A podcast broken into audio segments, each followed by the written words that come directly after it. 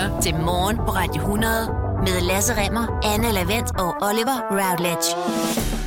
Og du har faktisk valgt at lytte til podcastudgaven, men du ved du godt, fordi du sidder ved din højtaler eller med et par hovedtelefoner på, og kigger måske på displayet øh, på din mobiltelefon eller din computer og tænker, hvad snakker du om? Jeg er godt klar, jeg er godt klar over den podcast, jeg hører jo ikke idiot. Jeg har faktisk lige installeret nogle gamle højtalere, som jeg havde stående inde på mit værelse, og de skruer ned automatisk samtidig. Det er vildt irriterende. Jeg ved ikke, hvad jeg skal gøre ved Det er det. fordi, der er en limiter på, det tror jeg, det er det, der er. Der er en limiter, det har jeg hørt om før. i Men så skruer de bare sådan, så slukker de bare, agtigt. Wow, det er vildt. Det lyder lidt irriterende. Ja. Så skal man over og skrue op igen, så går der lige et minut, så slukker de agtigt igen. Ja, der er en dims i din øh, forstærker, der gør det, tror jeg. Jeg tror ikke, det er højtalerne. Eller jeg ved det ikke. Jeg ved det faktisk ikke. Det var fedt, øh, at du lige præsenterer mig for det problem med din, øh, med din teknologi derhjemme. Det er Og- nogle lige Gamle højtalere. Argon. Nå, men imens Oliver googler det her, så kan jeg da sige, at øh, denne her podcast er kendetegnet ved, at du får 100% Anne og 100% Oliver og 60% Lasse. Øh, Eller og, 200 procent, Lasse. ja, Og jeg synes, du indhentede ret godt. Ja, det synes jeg også. Nu forstår jeg, hvad du hentyder til. Du hentyder til, at der lige har været nogle dage, hvor du har været op nordpå. ja, jeg har været bortrejst som en form for polar. Ja, jeg har ikke været længere end Jørgen. Altså, jeg har været i Jørgen og. Aalborg og Viborg, ikke? Ja. Øh, og det betyder, at jeg var væk to måneder. Men der kan man sige, at som med en god flaske spiritus, så er 60% faktisk rigtig meget. Ja. ja. det er stærkt. Det er nok til at få en bimmelim på. Det er passende, vil jeg sige. Jeg synes endnu en gang, at vi har strikket en podcast sammen, der kommer vidt omkring. Har du fundet ud af det der med højtaler? Nej, jeg har fundet en video fra Chip David... Chip Dip Video. Chip Dip Video. Troubleshooting Active Speakers. Og det er nogle aktive højtalere, jeg har. Det er det, der er problemet, er det ikke det? Så jeg tænker, at jeg, jeg, jeg, jeg går den vej. Men Prøv aktive der er- højtaler betyder også, at forstærkerne er så at sige indbygget i Ja, højtaler, ikke? Ja, Ja. ja, det Skal vi se at komme i gang med den podcast nu? Vi er lige i gang med at snakke om Vi er højtaler. lige i gang med at snakke om mine Argon-højtalere, som skruer ned automatisk, Som og det er super irriterende. Jeg spurgte min kæreste en To dag, personer i verden. kunne du tænke dig at høre, øh, hvordan de spiller med nye højtalere? Og så kiggede hun på mig med det. Jeg har aldrig set det ansigt før og sagde, nej. Prøv at høre, altså det er som hvis en 16-årig pige kom ind til dig og sagde, skal du med på rideskolen og prøve at strille min hest? Ja. Vil du da også sige, nej. ja, hun Jeg er var 0% så- interesseret i. Det så så godt ud, og de spiller Ja, godt. ja, ja. Prøv at høre, hvis du gerne vil høre, hvad der sker med Olivers aktive højtaler, og man har fået løst problemet, så husk lige at høre vores podcast om en uge. Nej! Åh, oh, ikke Jo. mere. Jo, jo, jo. Og indtil da, ikke et ord om Olivers højtalere. God fornøjelse.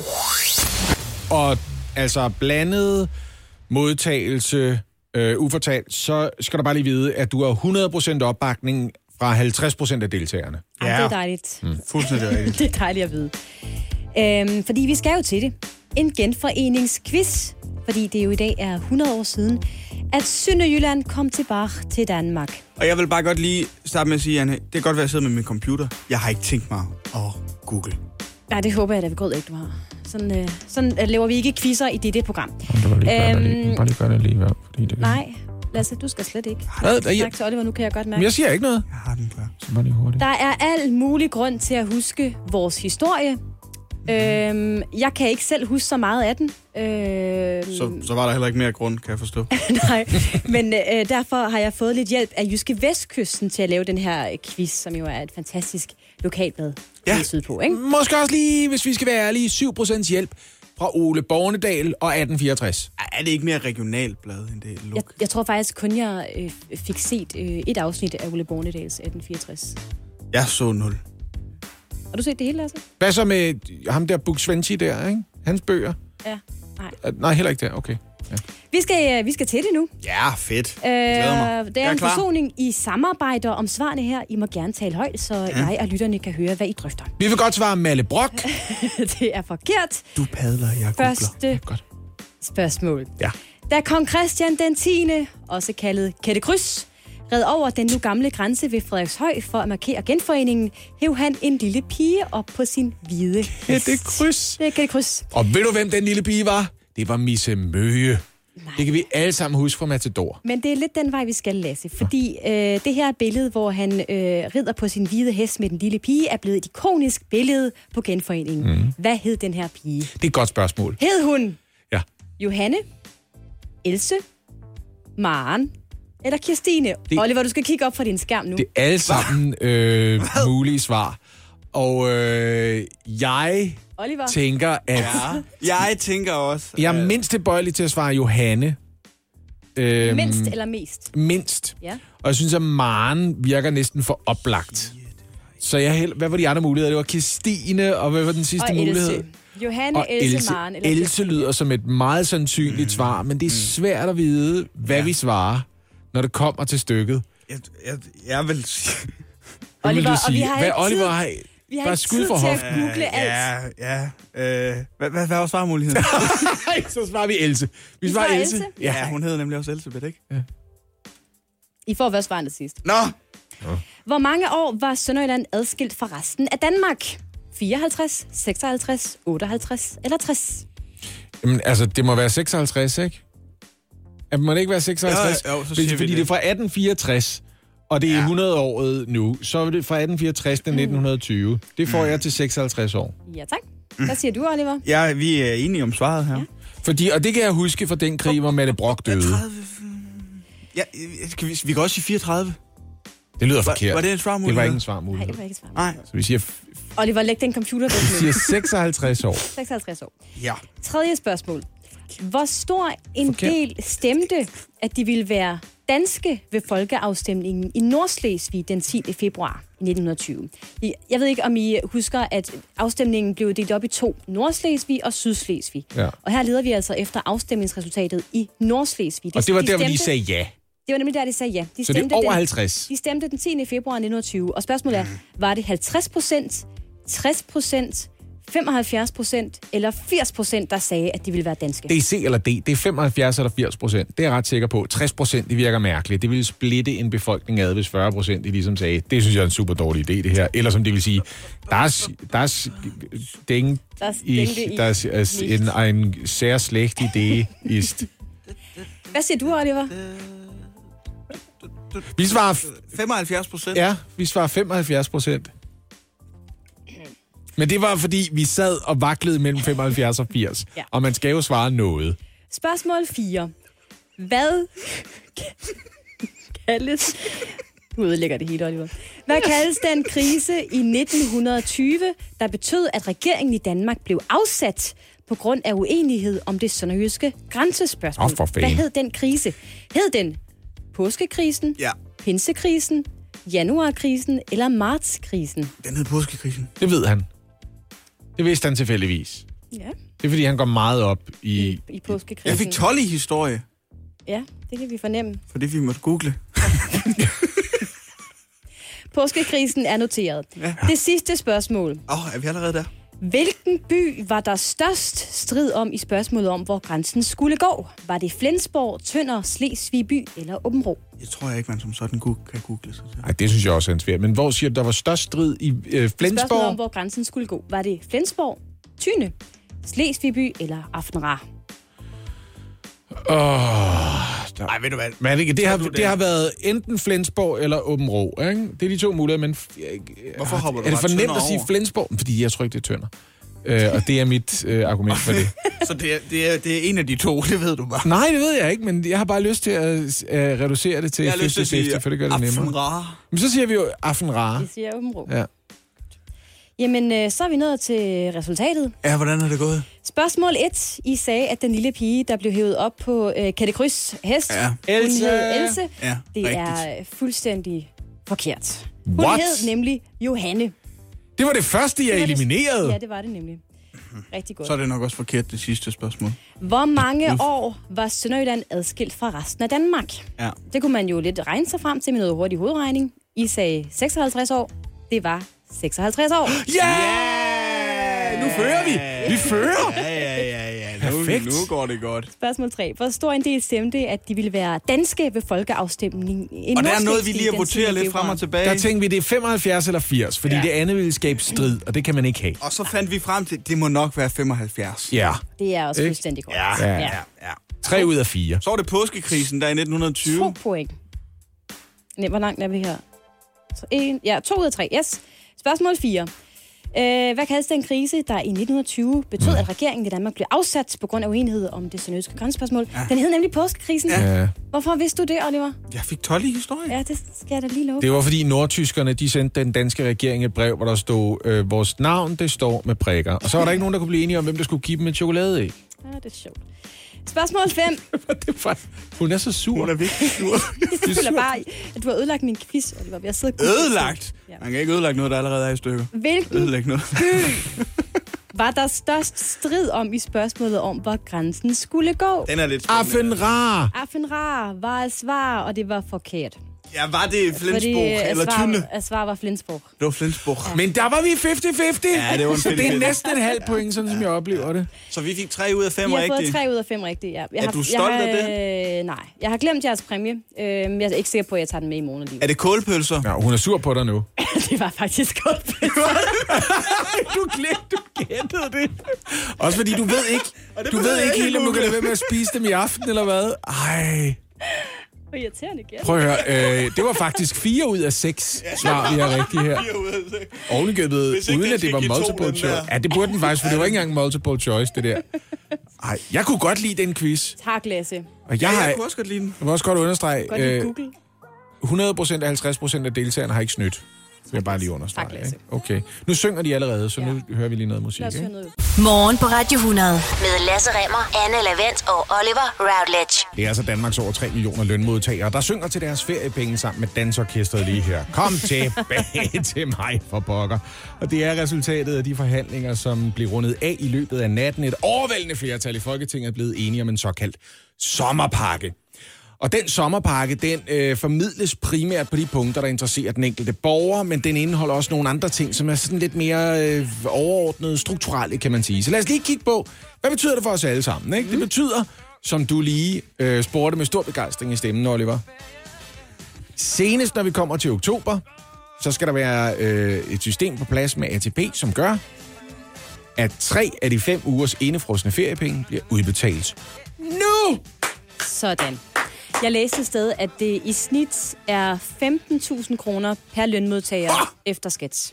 Efter skat. Ja. Altså, det er, Jeg det er trækker penge. alt, jeg nogensinde har sagt tilbage om den regering. altså, Alt. Det er dine egne penge, Oliver. Jeg trækker alt tilbage. Du er Hold så kæft, hvor er det fedt, mand. at få dine egne penge tilbage her på et tidspunkt. Men der er sgu da nogen, der skal spare mine penge op, for guderne skal vide, at jeg ikke selv gør det. Altså, der er tale om en øhm, vitaminindsprøjtning til den danske økonomi i størrelsesorden 60 milliarder kroner. For de indefrosne feriepenge udgør, anslås det cirka 100 milliarder. Det er cirka knap og nap 10 procent af statens årlige budget, der med andre ord lige pludselig kommer i lommerne på danskerne rundt omkring. Der skal selvfølgelig også lige betales noget skat af det, så i sidste ende er det jo også meget dejligt for regeringen. De er ligesom siger, vi skal have pengene nu. Ja. De bliver ikke først beskattet efterhånden, som folk de går på pension. Så det er jo også meget rart. Ja. Noget af det finansierer sig selv, kunne man sige på den måde. Ikke? Nå, hvad gør man så, hvis man ikke har nogen indefrosne feriepenge? Jamen, så kan man se frem til, at man, hvis man er på overførselsindkomst, får en indgangstjek på 1000 kroner.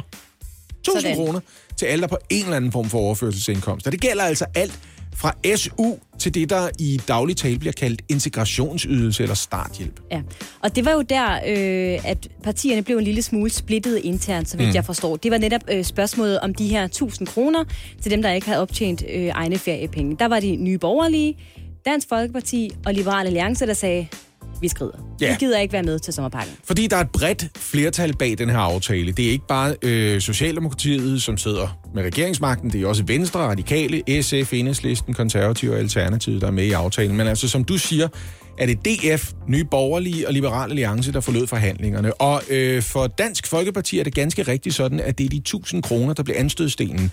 Hvorfor nu det? Det er jo 1000 kroner til pensionisterne. Jo, forklarer Christian Tulsendal. Problemet er, at det er 1000 kroner til alle på overførselsindkomster. Og nu nævnte jeg jo lige integrationsydelsen. Ja, og det, det kan han ikke lide. Det er, at vi skal ikke give penge til de der flygtninge og asylmodtag. Hvorfor, ja, asylansøgere. hvorfor skal de have det samme som vores pensionister? Og det er groft sagt det, der var spørgsmålet her. Ikke? Præcis. For Liberal Alliance var det faktisk en bredere del af aftalen, som var medvirkende til, at de forlod forhandlingerne ifølge eget udsagn, så handlede det så blandt andet om, øh, at en del af den her aftale indebærer, at staten skal have en fond, der kan bruges til at investere i private virksomheder. Staten skal simpelthen til at være øh, medejer af forskellige virksomheder. Det vil så blive afgjort af fonden, hvad det er betimeligt for staten at være medejer af. Det kan man ikke lide fra Liberal Alliances side. Sådan en begrænset nationalisering, kunne man sige, af forskellige virksomheder. Øhm, og i øvrigt øh, også det, der kaldes winner picking. Altså det der med, at staten skal gå ind og pege på nogle virksomheder og sige, I er bedst inden for jeres branche. Mm. Øh, det vil være jer, der klarer sig bedst, eller I har mest brug for vores støtte. Ja. Nå, så det var også en del af det.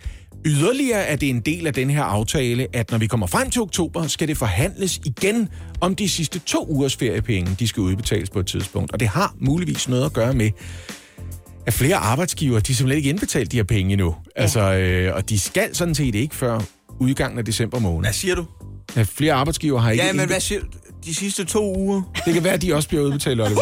Så er han om at køre igen. Det, det er noget, der flytter stemmer, det her. Hvor mange af dine penge, du bruger, når du får dem?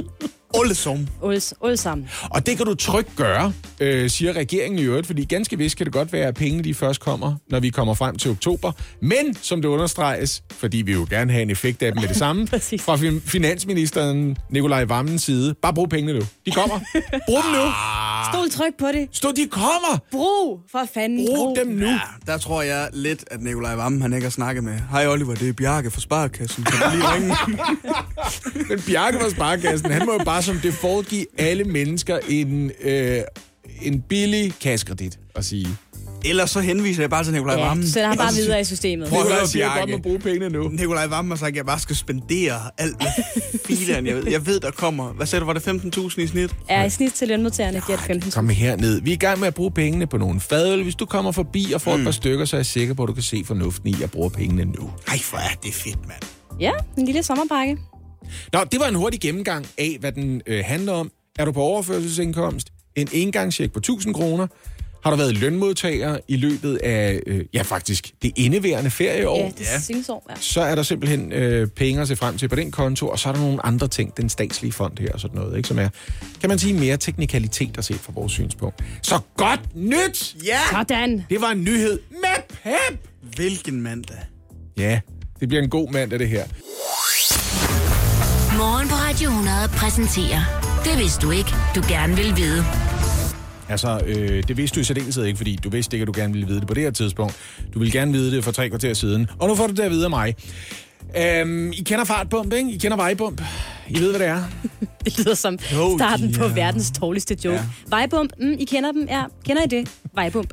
Jamen, I ved godt, hvad vejbump er, ikke? Jeg ved godt, hvad det er, ja. Ja. Jo, og de findes i forskellige udgaver. Der er nogen, der ligesom ligger over hele vejen, sådan, sådan en pølse, der ligger der, og så er der sådan nogle, der er små cirkler, sådan forhøjninger, hvor mm. julen ligesom bumper over. Dem er de begyndt øh, at lave flere og flere af, hvor jeg bor, øh, og de har været nødt til at lave heller midt på vejen, fordi rigtig mange bilister som idioter bare kørt udenom dem, og over ah, den anden vejbane, sådan ud i midten hver gang. Så de kørte sådan noget slalomkørsel for at slippe for at køre hen over dem. Så var man nødt til at lave en helle i midten, så de sagde, du smadrer din bil, hvis du prøver at gøre det der igen. Du er nødt til at køre over dem. Ved I, Det hvad er jeg er træt af? dem. Det er ikke vejbump, men det er de der, øhm, som ikke er... Øh, hvad fanden hedder de egentlig? De der, Google det, Oliver. sådan en... Det er ikke et vej. Er det et vejbump? Ja, det er. Det du øh, mimer. Men dem, der, men dem, der ikke følger hele vejen, men sådan fylder halvdelen af et spor, hvor du så skal have det ene hjul op øh, ud i siden af den. Jeg tror, det var det, Anne lige beskrev. Det der, hvor det nærmest er en der- graviditetsbump. jeg en tror- pukkelpist Nå, jeg tror, du mente de der tre bombe der. Nej, jeg tror, at det her, jeg tror, de, de kaldes vist Mariehøner nogle steder også, fordi de ligger sådan nogle små.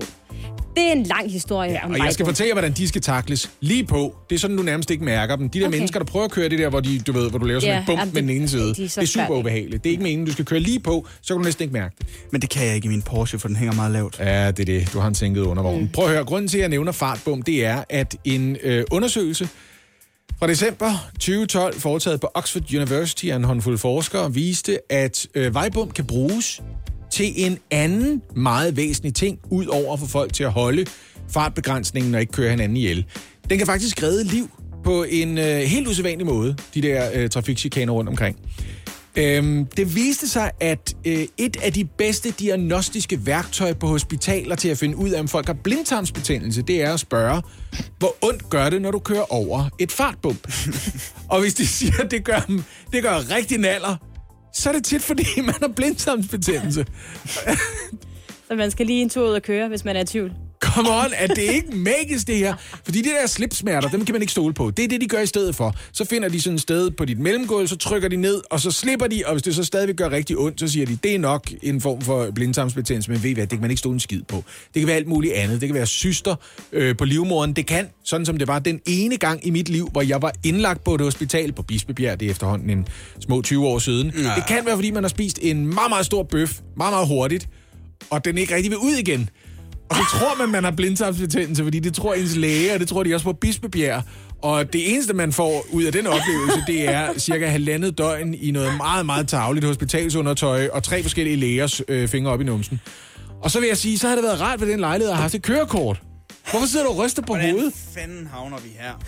Har du været indlagt med forstoppelse? Den eneste fordi gang, du har spist for, st- for stor en bøf er for eddermame hurtigt? Den eneste gang, jeg nogensinde har været indlagt på et hospital, det var fordi, det viser, at jeg havde forstoppet jeg troede, jeg havde blindtarmsbetændelse. Det viser sig bare, jeg havde, jeg havde spist noget... Jeg havde været lidt... Prøv at høre. Du var sulten. Jeg, jeg burde have fået fornyet respekt for veganere ved den lejlighed, men det gjorde jeg ikke. I stedet for så er jeg blevet ved med at spise bøffer. Nu spiser jeg dem bare lidt langsommere, måske. Jeg ved ikke, hvilken forskel det gjorde. Og så kører du lige over et vejbump, hvis du er i tvivl om, du har blindbetændelse. Yep. Blindtarmsbetændelse. Og, og dengang havde jeg ikke kørekort, og det set i bagspejlet, der ærger jeg mig lidt, for så havde jeg nok sagt, det gør slet ikke ondt, at jeg kører over et fartbump. Men jeg spiste en bøf i forgårs. Kan det have noget med det at gøre? Ja, Ja. Så ved I der er du det blevet om så meget klogere nu. Og i parentes bemærket, øh, det her det er lige et budskab til øh, en ud af tre læger på øh, Bispebjerg, fordi det er, hvad mit statistiske materiale siger, jeg bør henvende mig til en ud af tre læger, vil jeg bare lige sige, før man lige laver den der ting med en finger op i numsen, lige sige, at du har tænkt dig at gøre det. Bare lige. Og, d- og jeg vil sige, det har givet mig en fornyet respekt også i seksuel sammenhæng for. os. Det spørger man lige om, før man gør det, ikke?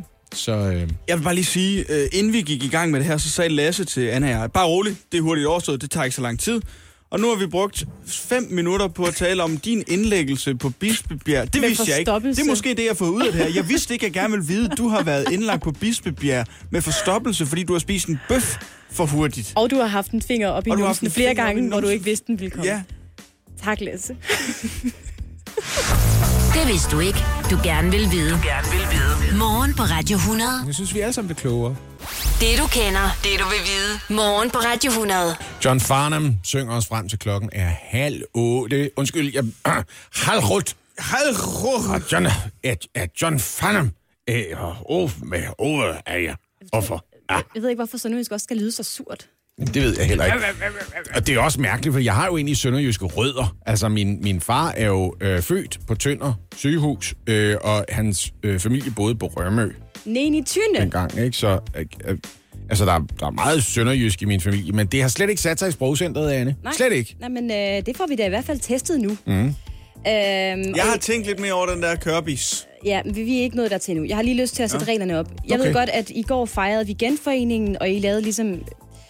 Vi var holdt et, sammen. I, var, I lavede et hold sammen, fordi vi ud jo af fem, skulle rigtigt? forenes.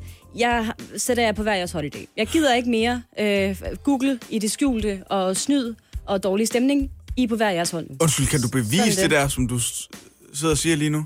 Nej, det kan jeg ikke. Men, øh, Okay, men det så kan jeg du- så alligevel lidt. Ja.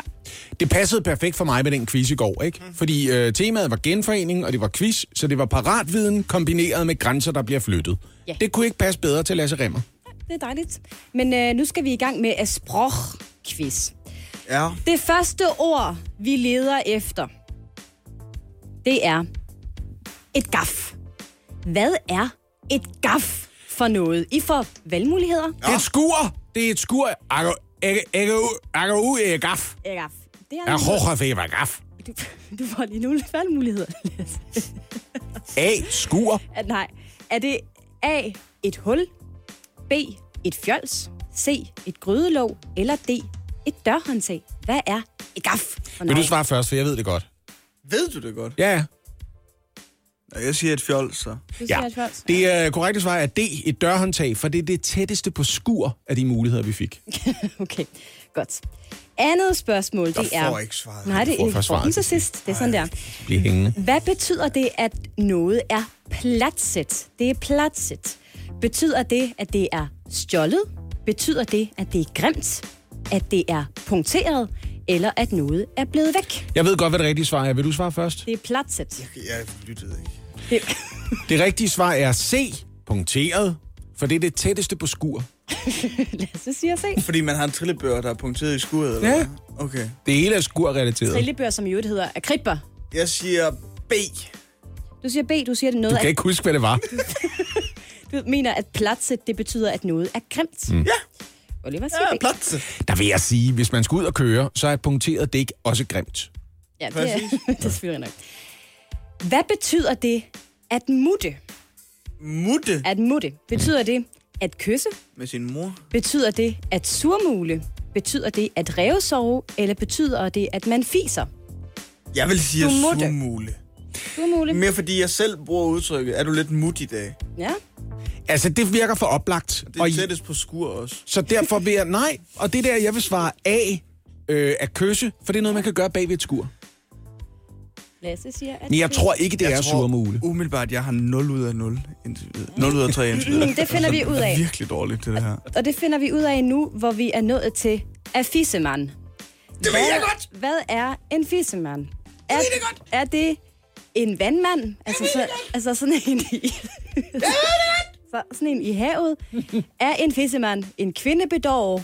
Er det en køkkenrulleholder eller et fugleskramsel? Men altså, nord for Kongoen, der er det jo en kvindebedår. Det kan vi godt blive enige om. Hvad betyder det så? Syd for Kongoen? Jeg synes, du skal svare først, for jeg ved det godt. Jamen, så svarer jeg... Skal vi svare i kor? Det er D, et fugleskramsel. Fugleskramsel. Fordi Ja. det er det, der er tættest på skur. I siger fugleskramsel. Godt. Det, det, det, den, den ved jeg til gengæld ikke. Jeg har en ud af fire nu. Så nåede vi til Kørbis. Ja. Den Hvad har jeg tænkt er- lidt mere over. Kørbis for Norge. Er det et græskar? Er det et lyskryds? Er det et indkøbsnet? Skal en mulepose?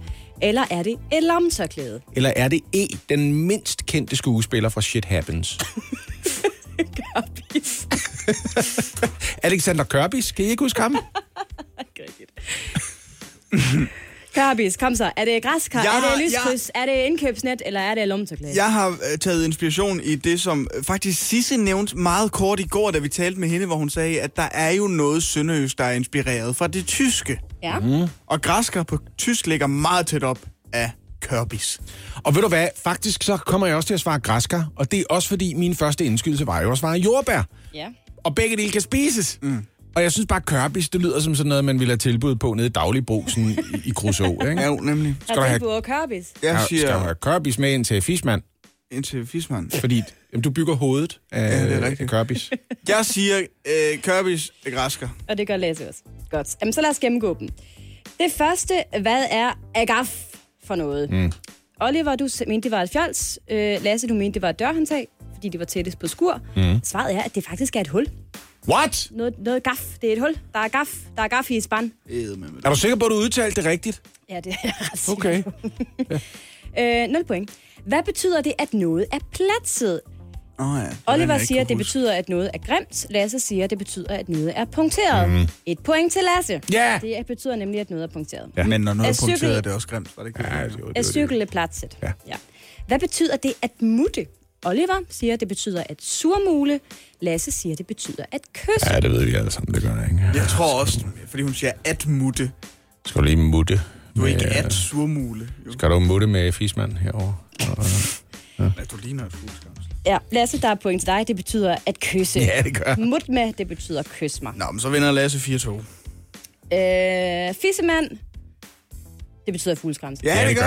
Ja, det gør. Det gør det. Det lyder uartigt, men i virkeligheden så er det øh, helt normalt. Jeg har faktisk fundet ud af, at oprindeligt, der gjorde man åbenbart det i Sønderland, at den landmand, der blev sidst færdig med at høste, der satte man en såkaldt fissemand op på hans mark. Så dengang var det faktisk ikke et fugleskramsel, det var mere sådan en, en dummebøde for at være den sidste til at høste. Nå, Det var sådan lidt en straf dengang. Så var Ja. det sådan, du får øh, fismand nu. det har man altid været begejstret for syd for Kongeåen. Det der med at ydmyge hinanden, Ja. stable nogle olietønder og sige, What? Er du ikke gift som 17-årig? Lige præcis. Og det, Jamen, det er ikke engang løgn. Vi er nået til det sidste, nemlig kørbis, som er et græskar. Ja! Woohoo! Tak skal du have. Lasse vinder simpelthen den her øh, quiz. Noget overraskende, men øh, Ej, kommer det er da ikke overraskende. Nu kommer jeg meget i området. og Så, sønderjyske rødder. øh, jeg vil ikke kunne finde rundt der. Nej. Men altså... Øh, Det er der faktisk ingen, der kan, tror jeg. så øh, det, øh, I siger bare til, hvis I har brug for en tolk. Øh, okay. Jeg er lidt stolt lige nu. Det er så sjældent, jeg vinder quizzer i det her program. Ikke? Ja, det Giv mig lige et øjeblik, ikke? fordi senere i dag, der får jeg tæsk af Anne, når vi skal igennem, hvad det er værd quizzen. Det ved vi alle sammen godt. Og jeg vil godt lige på forhånd, uden at vide, hvad det er, vi skal quizze om, sige, at mit gæt i den quiz bliver 22.000 kroner. Det er, vil godt- meget, det er rigtig meget. vil Jeg godt tror, låse jeg tror, den. måske, du skal ind og se, hvad det er, vi quizzer om. Noter fordi det, noter det lige. Det er rigtig meget. Jeg vil gerne låse den på 22.000, uanset hvad vi skal quizze om Okay. senere. Fordi øh, jeg har råd til det nu, hvor jeg allerede har vundet en quiz. Det er jeg rigtig godt tilfreds med. Hvornår er det? Er det lidt over ni, vi spiller? Hvad er det værd? Det er ret rigtig Ja. Nogle gange, så kan det godt føles lidt svært at forstå hinanden på tværs af generationer. Men øh, jeg, jeg, jeg er jo meget interesseret i, øh, hvad unge mennesker de interesserer sig for og brænder for. Og det er derfor, jeg altid lytter til dig, Oliver. Jeg vil altid gerne vide, hvad er spændende, når man er 24. Og jeg kan forstå, at for tiden, der er det skulpturer i gågader i mellemstore jyske provinsbyer. Korrekt. Det er, Ja. hvad der har øh, fanget min interesse her de sidste, jeg faktisk sige 48 timer. Mm. Øh, det har virkelig været en rejse. Ja. Og jeg vil gerne have jer med på den her rejse. Gerne. Vi skal ud og gå en tur. Mm-hmm. Øh, og vi starter. Vi er her faktisk nu. Vi er, vi er på torvet i Horsens Midtby lige nu. Ikke? Mhm. Og så går vi ned gennem gågaden. Ja. Åh, her det er dejligt. Der er godt vejr. Åh, oh, det er et dejligt bredt tog, det her, hva'? Ja, og der er god stemning, Ej, og men folk de er stadigvæk gode til at holde afstand. Hov, hvad er det? Det er da en skulptur. Skal vi lige kigge på den? Ja. Nej, nej, ja, den er flot. Nå. Jeg ser en, en blind dreng, der sidder med fronten mod et kranje. Nå, hold da op. What? Ja, den er da lidt, den er lidt dyster, er den Ja, ikke? det vil jeg da sige. Det er da lidt morbid, det der. Ah, uha. En blind dreng og et kranje. Ja, det har jeg ikke lyst til. Så skal vi, vi går lidt videre. Ja. Nå, ja. Ej, Søndergade, den er pæn egentlig. Hold da op. Nå, der er en ny skulptur. Ej, hvad er nu det? Hvad er nu det? Det er da bare en kvinde, der holder sit dødt spædbarn i skødet. Nå, hold da kæft. Hvad sagde du? Den sk- hvad? Men kan du ikke se det der? Det er da en skulptur, der forestiller sig en kvinde, der holder et dødt spædbarn i sit skød. Hold da op. Spændende, spændende kunst, de har hernede. Hold Nu synes jeg, at den første op, skulptur, den virker meget mere uskyldig, faktisk. Åh, ej, puha, jeg... Skal vi, vi skal væk herfra. Ja, vi skal væk herfra. Vi skal videre herfra. Ej, der er gået hjælp med en til skulptur derovre. Ja. Ej, den ser spændende ud. Det er en hyæne. Hvad, hvad spiser den hyæne? Jeg skal lige lidt tættere på. Er det et... Er det et, et død, en død baby? Ej, Hvad er det her for en by? Hvad, han spiser en død... Ja, en baby. Ja, okay. en er- hyæne, der spiser en baby. Ja, Jeg skal bede dig om at forklare mig, hvem, hvem er det, der har stået for de her skulpturer? Hvem har lavet dem? Jeg kan godt lide noget, der pynter. Jeg synes, det er meget rart. Øh, Jeg er for eksempel selv fra den øh, fine midtjyllandske øh, provinsby Køge, og der har vi nogle fine skulpturer, der ligner rødkål, sat op rundt omkring på piedestaler. Det synes jeg er rigtig trygt og dejligt. Rødkål? Ja, det, det er, hvad jeg synes, det Prøv ligner. høre, det skader jo ikke nogen. Det, Nej, det har det er det, det, så jeg fint med. Men altså, efter kort tid på vores, vores, vores gåtur her, der har vi altså øh, set en blind dreng, der kigger mod et kranje. Vi har set en kvinde med et dødt spædbarn og en hyæne med en baby hængende i et klæde i munden. Hvad er det for en by? Det er henholdsvis Michael Kvium og Christian Lemmers, der har lavet de her øh, skulpturer. Nå, er det kvium? Så kan jeg bedre lide det. Ja. Så er det da helt perfekt at stille på en gågade. I begyndelsen af måneden, der fik Christian Lemmers så øh, endnu en ordre fra Horsens Plan. De vil have mere. Ja, de vil have mere, fordi øh, Plan- og Miljøudvalget godkendte nemlig en ny skulptur, som bliver doneret af Horsens Folkebladsfond og Jysk Fynske Medier. Skulpturen, den kommer til at hedde Adam. Har I nogen bud på, hvad Adam sådan skulle forestille? Er det en nøgen mand med sådan en lille finblad foran sin, sin penis måske, som repræsenterer... Eller måske er det en mand. nøgen mand, der er pakket ind i et fineblad alle andre steder end på tismanden. Det vil være, det vil være nyt. Altså prøv at høre, det er umuligt at vide, fordi jeg kender Kviums øh, malerier. De er hundedyre og foruroligende, ikke? Mm. Og Christian Lennart, jeg forbinder ham mest med de der rødnende øh, svinelig i glasmontre på Esbjerg Kunstmuseum for mange år siden. Det har jeg ikke hørt om, og det er jeg faktisk glad for. Adam forestiller sig en mand med mange snitstår på kroppen. Ja. Og så kan den, ifølge Christian Lemmers, både ses undskyld, som den lidende Kristus, eller symboliserer folkemordet i Rwanda. What? Hvad? Jeg, prøv at høre, jeg prøver bare at komme over til VO Moda og se, om jeg kan finde en pæn top til min kæreste. Må jeg godt lige være i fred et øjeblik? Det æder med noget kontroversielt kunst på en er det sådan gågade. en Det må du selv om. Ja, om det, det er Jesus, eller om det er folkemord i Rwanda. Det er to vidt forskellige ting, det her. Det synes jeg altså er vildt, det der. Hvad smager den her hovedret af? Estergong eller opkast? Det ligger et eller andet sted, det der leje. Det kommer ind på. Hvad skete der med blomsterkummerne? Ja. Dem elsker jeg. Nå, De seneste dage, der har øh, de nye skulpturer, eller den nye skulptur her, øh, som altså er blevet øh, godkendt, resulteret i flere læsebreve i øh, de lokale Det gjorde det alligevel. Ja, okay. Der er nogen, der forsvarer værket, mens andre frygter, at Søndergade, som gågaden hedder i Horsens, nu vil blive kendt som Dødens Boulevard eller Folkemors Allé. I Horsens, der har man så et brændende ønske om at gøre Søndergade til det, man kalder en skulpturallé. Mm. Og øh, derfor så vil det også være oplagt at sørge for, at vi får kunstværker med forskellige udtryk, siger formand for Plan- og Miljøudvalget, det er Martin Ravn. Det virker så bare først som om, at det skal ske, når man så når frem til en enighed om, at Horsens skal være en skulpturallé, fordi indtil videre, så skal det åbenbart bare være død og Død og ødelæggelse. ødelæggelse. Jeg mistænker også, at der måske er en del mennesker i Horsens, der synes, at kunst i gadebilledet, det skal mest bare pynte og være sådan lidt ligegyldigt. Jeg kan jo godt lide, at kunst udfordrer en lidt, men på den anden side, det er mm. lidt ligesom at sige, at vi kunne godt tænke os at have en sanseoplevelse med en masse forskellige former for kærtegn. Både lussinger og trælår og alle de andre ting, folk kan lide jo. Altså, jeg har jo boet i Odense en overrække, og der var der sådan et tema øh, blandt byens kultur, der alle sammen øh, lignede nogle kønsstile. Der var meget fallers, mm. øh, vil jeg sige. Det, det var ret spændende at gå, og, ja. gå på opdagelse i det. Ja, Men det er jo nødvendigt for, at du kan få øje på dem, ikke? Ja, jo, helt sikkert. Du kan jo ikke lave sådan nogle flade eller konkave... Øh, Nej. Noget, der rager op og ud i landskabet. Ved du, hvad alternativet er til fallers øh, skulpturer? Og det er ikke, fordi jeg er ekspert på kunst, men jeg ved der noget om tidsmænd, i hvert fald. Øh, det er springvand. Det er alternativet. Du kan mm. få et springvand, mm. eller du kan få en fallers. Ja. Ja. Og så må du selv vælge. der hvor jeg bor, der har vi et springvand, hvor øh, vandet kommer ud af tissemanden på øh, den lille dreng, som det To faktisk fluer er. med smæk. Nå, bestyrelsesformand for Horsens i- Folkebladets Fond. Hvad siger du? Jeg tænker bare på den der lille dreng i... Er det i Belgien, han står? Øh, Mannequin Biss, vi snakker Ja, om. lige præcis. Ja, men bestyrelsesformanden for Horsens Folkebladets Folk, som jo sammen med Jysk Fynske Medier har doneret den her nye skulptur, han hedder Svend Grønborg. Han er så bare ude at kritisere, at nogle folk kun ser død og, øh, ser død og elendighed, og slet ikke har øje for skønheden i en bronzeskulptur. Ej, prøv at se, når du ser en hyæne med et spædbarn i munden, kan du ikke, altså du ved, du ikke er se, det hvor alt, hvad du er ser? lavet? Er det alt, hvad du ser? Ser du ikke håndværket? Ser du ikke metalværdien? Ja, sæt pris på det. Og når du ser Adam, kan du så ikke se, at det enten er lidende Kristus eller folkemord i Rwanda, den symboliserer? Prøv at have alt det her, alt det her sat til side, ikke? Jeg mener helt seriøst. Det gør ikke noget af kunst lige for en til at tænke en en lille smule om. Nej, det er vi da fuldstændig Og enige om. omvendt, spørgsmålet er, skal det ske kilet inde mellem Espresso House og skoringen? Jamen, skal, ja, skal du have øh, skulpturer af døde babyer og en hyæne, og, Og folkemord i og Rwanda. folkemord i Eller Rwanda. Jesus Kristus. Ja. mens du sidder og spiser din sushi i Søndergade? Altså, Du kan sige, hvad du vil, Oliver. Men vi har alle sammen fået noget at tænke over, ikke? fuldstændig Okay. rigtigt. Og jeg har lyst til at tage til Horsens, så det har jeg aldrig haft før. Så på den måde har det også virket. Morgen på Radio 100 præsenterer Det vidste du ikke, du gerne vil vide. Og en lille smule irriterende i dag, der kom jeg til at sige tidligere, hvad tror I er radioaktivt i jeres frugtskål? Og så svarer Oliver, fuldstændig som det naturligste i verden. Bananer. Ja. Ja. Øh, så øh, det var det, jeg havde at tilbyde jer i dag. Og øh, jeg ved ikke, hvor du vidste det fra, Oliver. Det ved jeg heller ikke. Var det bare gæt? Ja, men altså, det, det, jeg tror, det har været lagret derinde. Det er lidt ligesom, når jeg spiller bedserviser. Så lige pludselig, så siger jeg noget. Sådan, første indskydelse, og så er det rigtigt. Det, det er en evne, jeg har. Jeg ved ikke, hvor den kommer fra.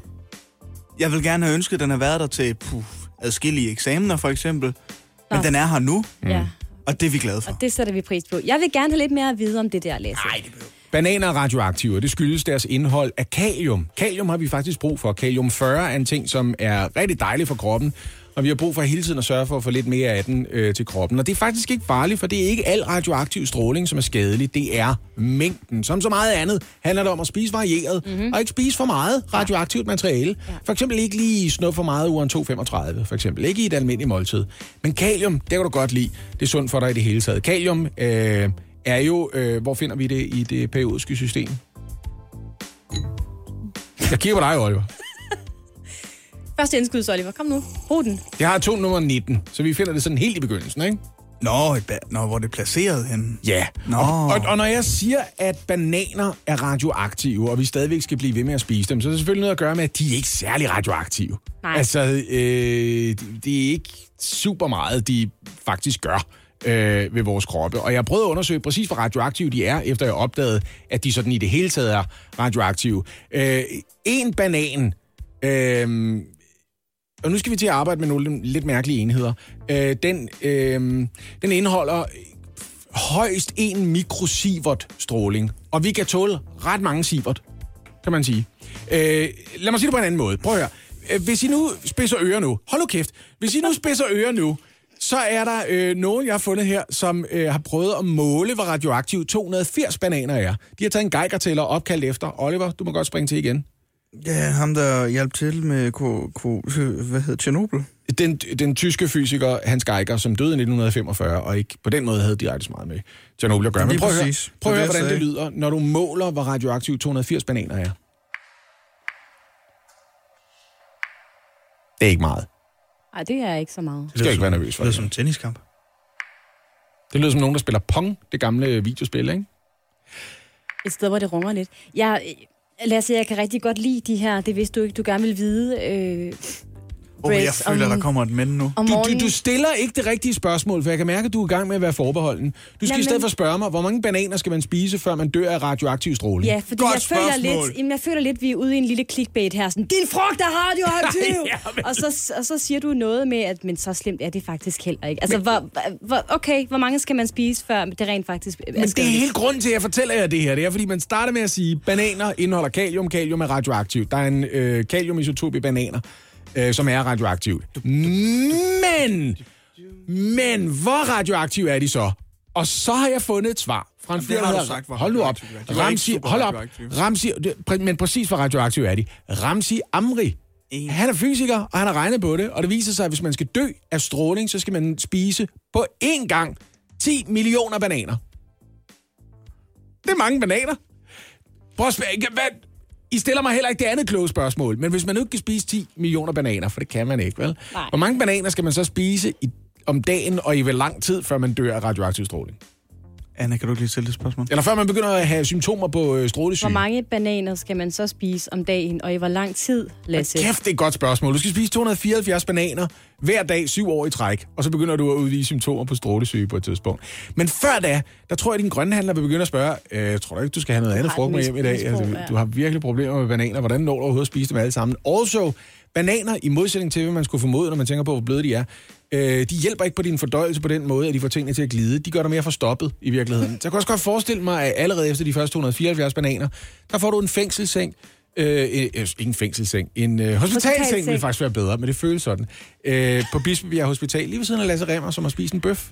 Ligesom Og, i går, så har, har hovedhistorien, øh, i det vidste du ikke, du gerne ved, ikke været så interessant, men, men, men altså, de bisætninger, der kommer undervejs, så viser at være mere interessant. Jeg synes, det er interessant, at øh, en, en banan faktisk ikke hjælper på din fordøjelse. Ligesom jeg i går synes, det er interessant, at du har været indlagt på Bispebjerg, fordi du har spist en bøf for hurtigt. Så Og det, det- det er ikke det, jeg troede var spændende, der det er spændende for dig. Og vi ender igen i dag med forstoppelse, Ja. ligesom vi gjorde i går. Ja. Nå, men det er noget, der ligger mig meget på sinde lige Ja, for tiden. Ja. Mm. Tak skal du have. Det vidste du ikke, du gerne vil vide. gerne vil vide. Morgen på Radio 100. Jeg tror, jeg skal servere det bedre for jer. Jeg tror simpelthen, det er det, det handler om. Altså, øh, Ja, det tror jeg også, du skal have. ja. Jamen, det prøver jeg at gøre. Det prøver jeg at gøre næste gang, så. Og jeg låste mit bud tidligere, og så trækker jeg det tilbage. Jeg startede med at sige 22.000 kroner. Og så kom jeg til at kigge på, hvad det er, vi skal quizze om nu, Oliver. Og øh, så fandt jeg ud af, at mit nye bud er tre guldflokker og en skilling. Ja, man går op ind på Instagram, finde os derinde, vi hedder Radio 100.dk, og så kan du altså se, hvad det er, vi skal quizze om, fordi det er tirsdag.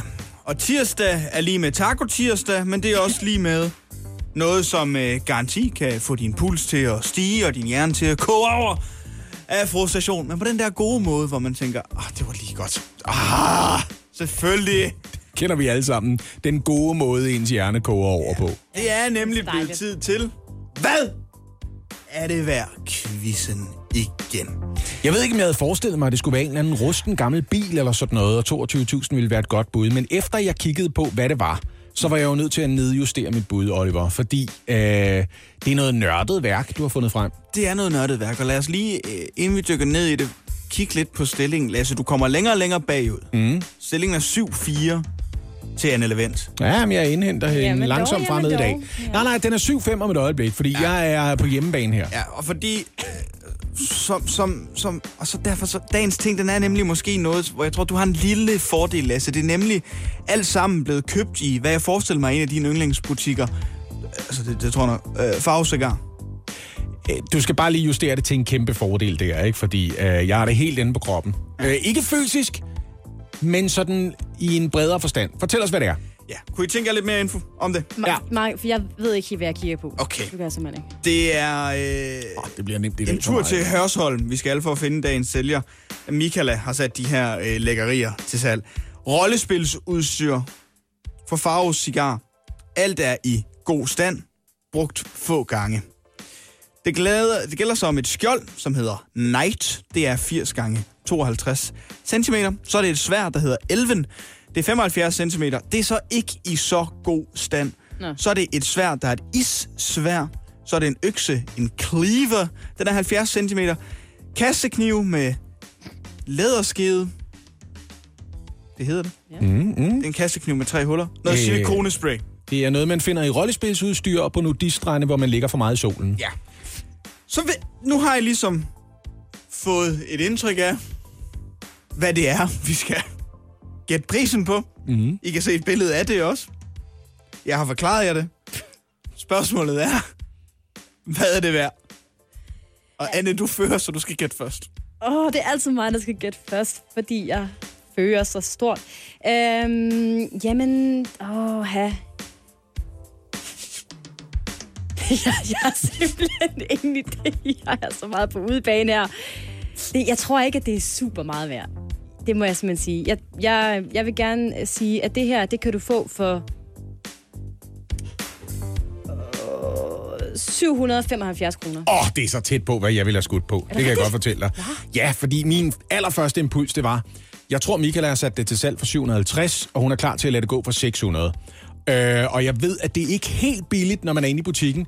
Øh, jeg er jo den glade far til en datter, som spiller live-rollespil, og hun vil i særdeleshed være interesseret i elversværet, om end hun for øjeblikket overvejer simpelthen at skabe en helt ny karakter, der skal være favn, for sådan nogen er der ikke med øh, i, øh, i det rollespilslag, hun spiller i lige for øjeblikket. Og hun godt tænke sig at være den eneste favn, og hendes eneste bekymring, det er, at hun er 13 år gammel, og en favn har typisk ikke noget tøj på overkroppen, og det i sig selv vil være kæde. Og en favn er jo altid en mand, så vidt jeg forstår, ikke? Okay. Ja, jeg snakker udenom.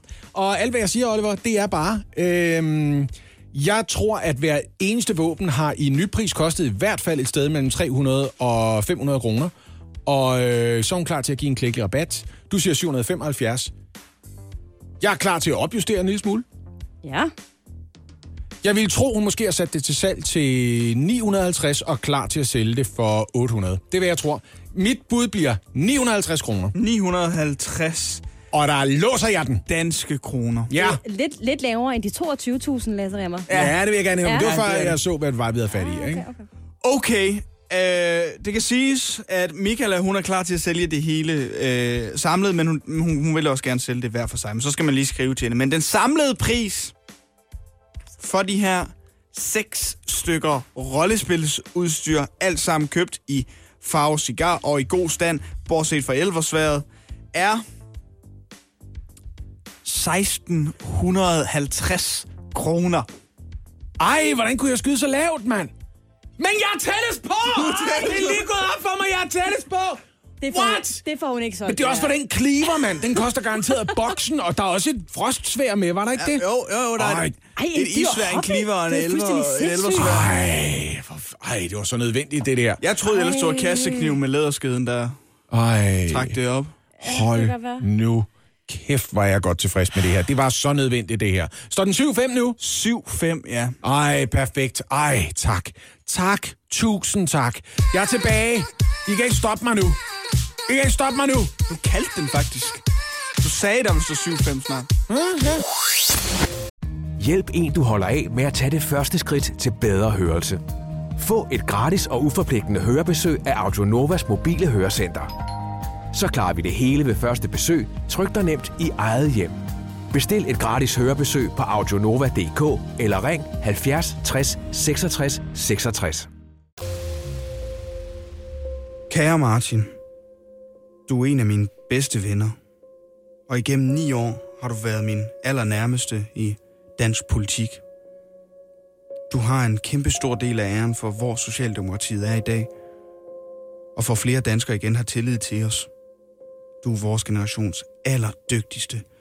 Og det er du især på grund af din ægte sociale indignation. Og for din stedige insisteren på, at social retfærdighed og økonomisk ansvarlighed skal gå hånd i hånd. Er der nogen, der er død? Det er Mette Frederiksens emotionelle farvel øh, opdatering på Facebook til sin allerbedste ven. Ja. Martin Rossen.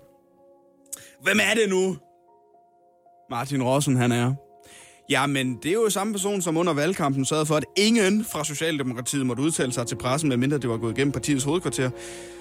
Samme person, som har sendt talrige beskeder til øh, journalister og andre mediepersonligheder, som tør sige noget ondt om det almægtige Socialdemokrati. Hvor våger de?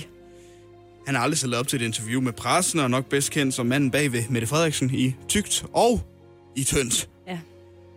Martin Rossen har opsagt sin stilling i statsministeriet. Han skal nu i stedet være det, der hedder Senior Vice President i Danfoss. Og det var... En drengedrøm. Ja, det, øh, det stussede jeg også lidt over i går, fordi der øh, er nogen i hans familie, der har arbejdet i Danfoss. Og der skal ikke lyde et ondt ord om Danfoss. Det er en fantastisk sønderjysk familievirksomhed. Den øh, har gjort meget godt for Danmark, og især for Sønderjylland, hvor jeg jo kommer fra. Mm. Så jeg kan godt forstå, at han øh, gerne vil have det job. Men jeg tænker, han sidder som en af de mest magtfulde personer i det her land. Ja. Han er lige ved siden af statsministeren. Og han har, ikke mindst, og det har været meget omdiskuteret, øh, haft plads i regeringens mest magtfulde udvalg. Jeg tror, det Martin Rossen mener, når han siger en drengedrøm, og nu analyserer jeg bare hans ord, mm. det er, at øh, altså, chefen for øh, Danfoss får en årsløn på lige omkring 50 millioner kroner. Så jeg ved ikke, som senior vice president, hvis vi bare skal sige halvdelen så, jamen så er vi nede på 25 millioner kroner.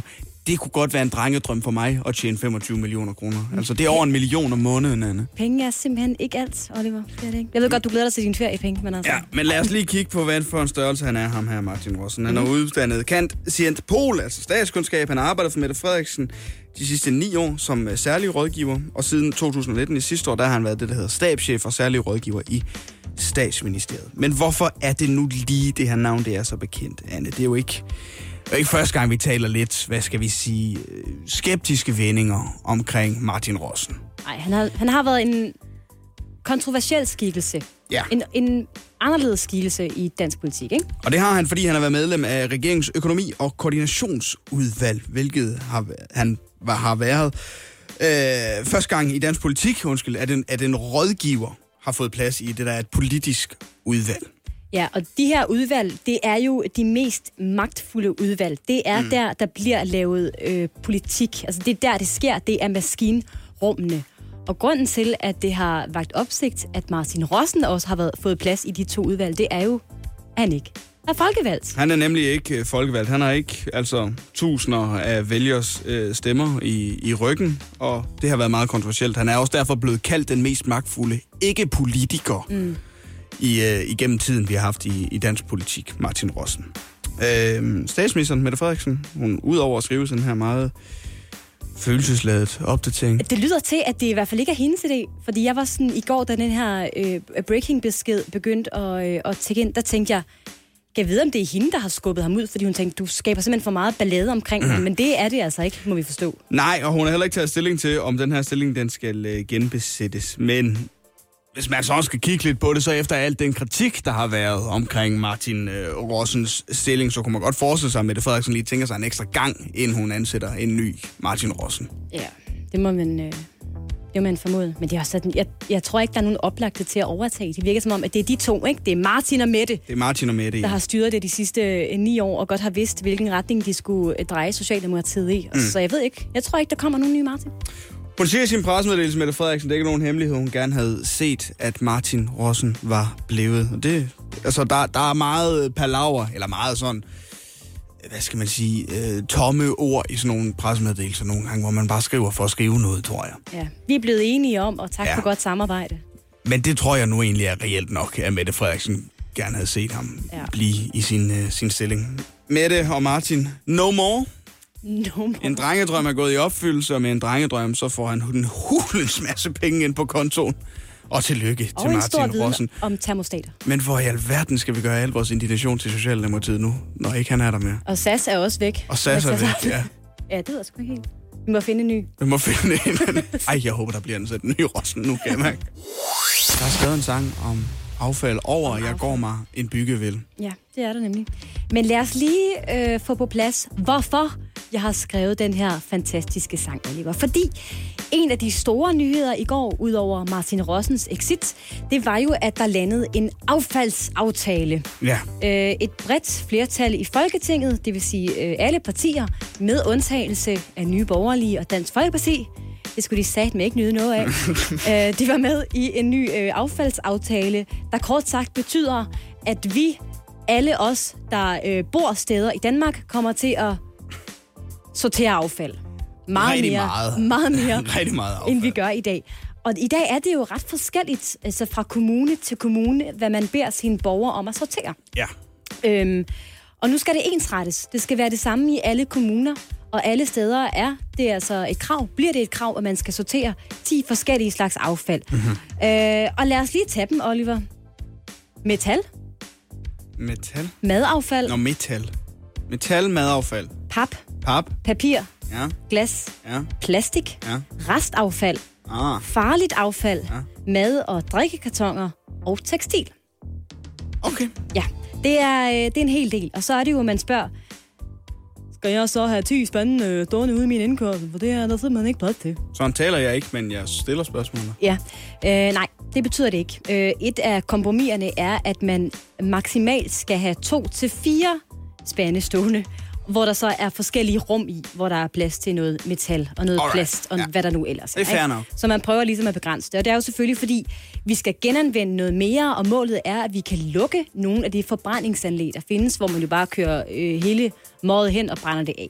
Ja. Færre forbrændingsanlæg. I dag, det læste jeg også, det vidste jeg faktisk ikke. I dag er, har vi så meget øh, forbrændingskapacitet på forbrændingsanlægene, at vi faktisk importerer affald.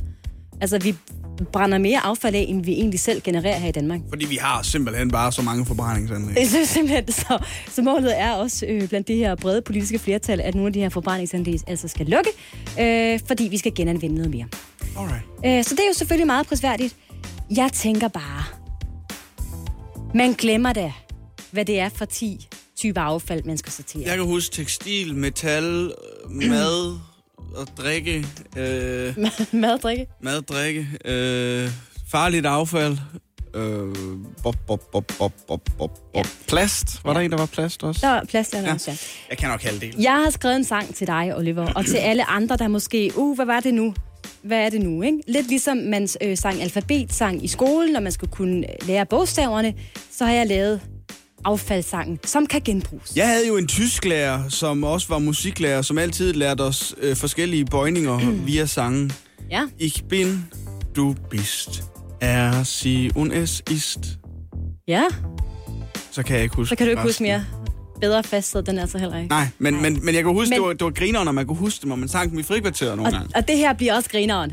Ja. Øh, melodien er måske lidt... mm, øh, Den er ikke så peppy, som, som Lasse ville sige.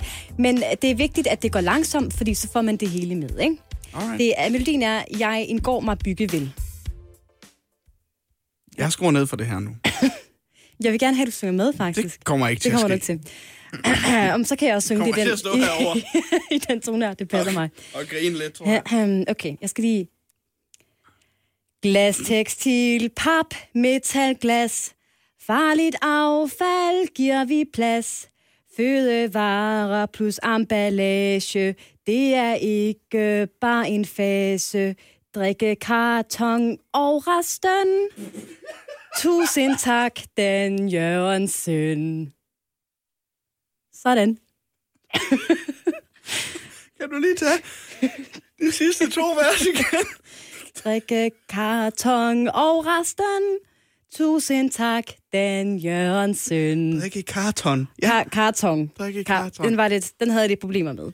Men du forstår, hvad jeg mener, ikke? jo, men jeg, jeg, altså, jeg tænker, den bliver nødt til at blive... Glas, tekstil, pap, metalglas. Farligt affald giver vi plads. Fødevarer plus emballage. Det er ikke bare en fase.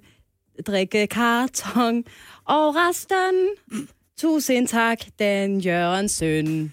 Jeg Man kan selv ønske- tælle efter, der er 10 typer affald. Jeg vil ønske, der var et kamera herinde, så man kunne se dig stå og, og, og, og med dine fingre i vejret og ramme. Jeg står og dirigerer mig selv. Ja, du står nemlig og og kan alligevel ikke rigtig ramme tonerne. Det er faktisk en lille smule. Jeg synes, det er prisværdigt, at du laver den her sang, Anne. Og jeg er glad for, at du tager den, og jeg ikke øh, deltager i den. Ja. Øh, Det kan være, at vi lige skal synge den en gang senere også, Oliver. Det kan nemlig være, nu, kan, ja. Nu har du lært den. Nu har du Nu- hørt, hvordan den går, ikke? nu, det kan være, at du skal synge den en gang senere, ja. En, en gang til. Og, og vi skal. Men godt arbejde. Tak skal du have.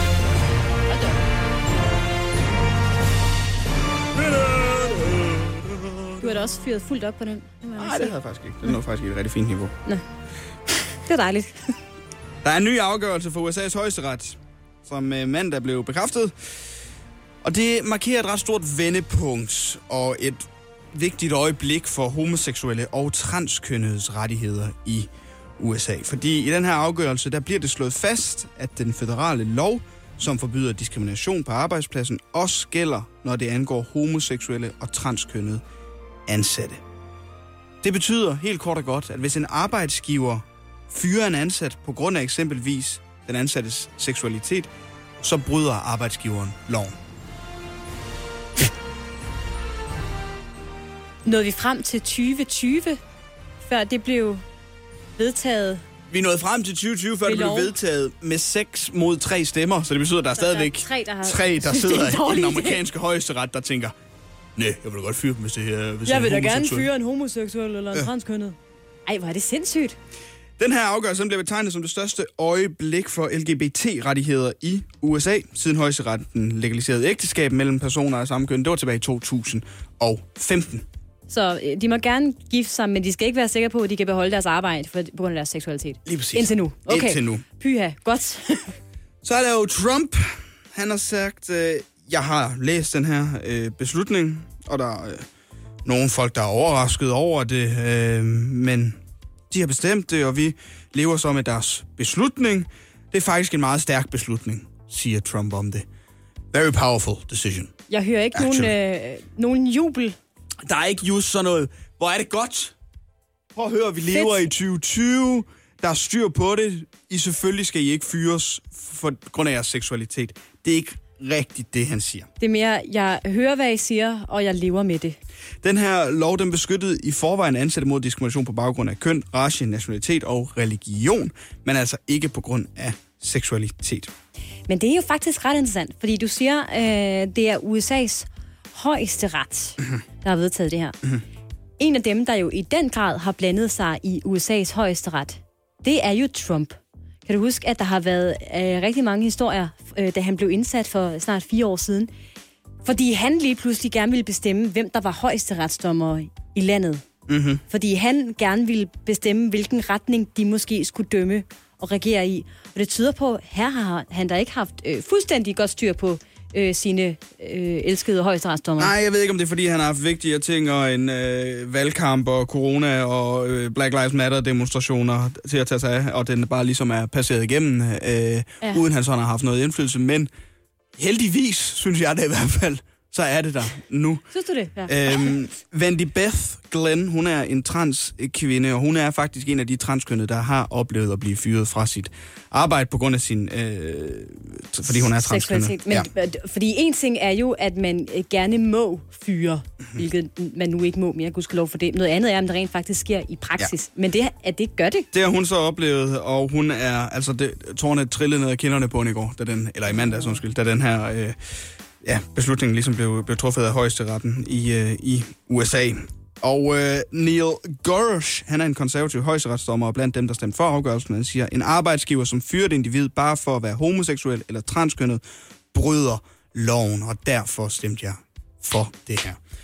Så det er dejligt, at vi skulle nå frem til 2020, men USA er altså på linje med alle mulige andre lande lige pludselig igen, når det kommer til rettigheder på baggrund af ens seksualitet. 7.31 er klokken blevet nu. Ja, det vil sige halv 8, og så skiftede den lige til at være 7.31. Jamen, jeg har været ude og spille fodbold i går, så det kunne lige så godt være derfor. For hold Hvordan- op, der blev jeg lige det? bekræftet i, hvor meget kage jeg har spist Ja, de fordi... sidste fire måneder. Har du også fået lidt coronakilo, Oliver? Det er lidt, det tror jeg er pænt sagt. Jeg vil ikke sige noget, men... Nej. Jeg kom derud i går, så sagde Jeppe til mig inden for fodboldholdet, som jeg kan se det i et halvt års tid. Hold da kæft, du har da spist op meget, Oliver. og det tror jeg måske er den bedste betegnelse på, hvordan det går for mig i øjeblikket. Med er sådan en ven, man ikke vil have. Ja, nemlig. Tak skal du have. Men øh, det skal det ikke handle om. Nej, det skal det da ikke. Fordi om hun vil det eller ej, og det tror jeg egentlig faktisk godt, hun vil, så er Anne Linde blevet en hovedperson her på kanalen i løbet af denne uge. Fordi i dag er det tredje gang i denne uge, at jeg bliver nødt til at understrege, at det ikke er filmanmelderen fra Godmorgen Danmark, men derimod Sveriges udenrigsminister. Ja, det er som om, du har en ting med hende. Ja. Det er hver dag, så siger du, vi skal snakke om Anne Linde. Ja, hun er blevet min, øh, min nye nemesis, simpelthen. Hver gang hun åbner munden, så får jeg lyst til at kaste et eller andet efter hende. I mandags, Anne, ja, kan du huske, hvad det er, vi har talt om øh, hensyn til Anne Linde indtil videre? Der var noget med den der landskampsstemning. Hun er, hun er jo grundlæggende ret utilfreds med, at Sverige har åbne grænser til Danmark. Det vil sige, at vi må gerne drøne til Sverige. Vi skal så gå i karantæne, når vi kommer hjem igen. Det er anbefalingen. Det er ikke alle, der gør det. Anyway, men svenskerne må ikke komme ind i Danmark. Altså, og der føler svenskerne sig måske lidt overset, fordi den danske regering har jo åbnet grænserne til både Tyskland, Norge og Island. De Ja. er super velkomne. Men svenskerne, Ja, lige præcis. Hun, og så sagde hun endvidere, hun frygtede, at det ville komme til at skade samarbejdet mellem de nordiske lande, og at der var gået den her landskamp stemning i den, og det ikke var holdbart. Og i går, der talte vi så om Anne Linde, fordi hun fik i og å så mange mails fra restauratører, som åbenbart bare kan skrive direkte til Sveriges udenrigsminister, hvilket er ret imponerende, om at danskere på besøg i Sverige simpelthen ikke opførte sig ordentligt. Og nu skal vi Gud hjælpe med en tur over sundet igen, fordi nu beder de simpelthen selv om den her landskampstemning.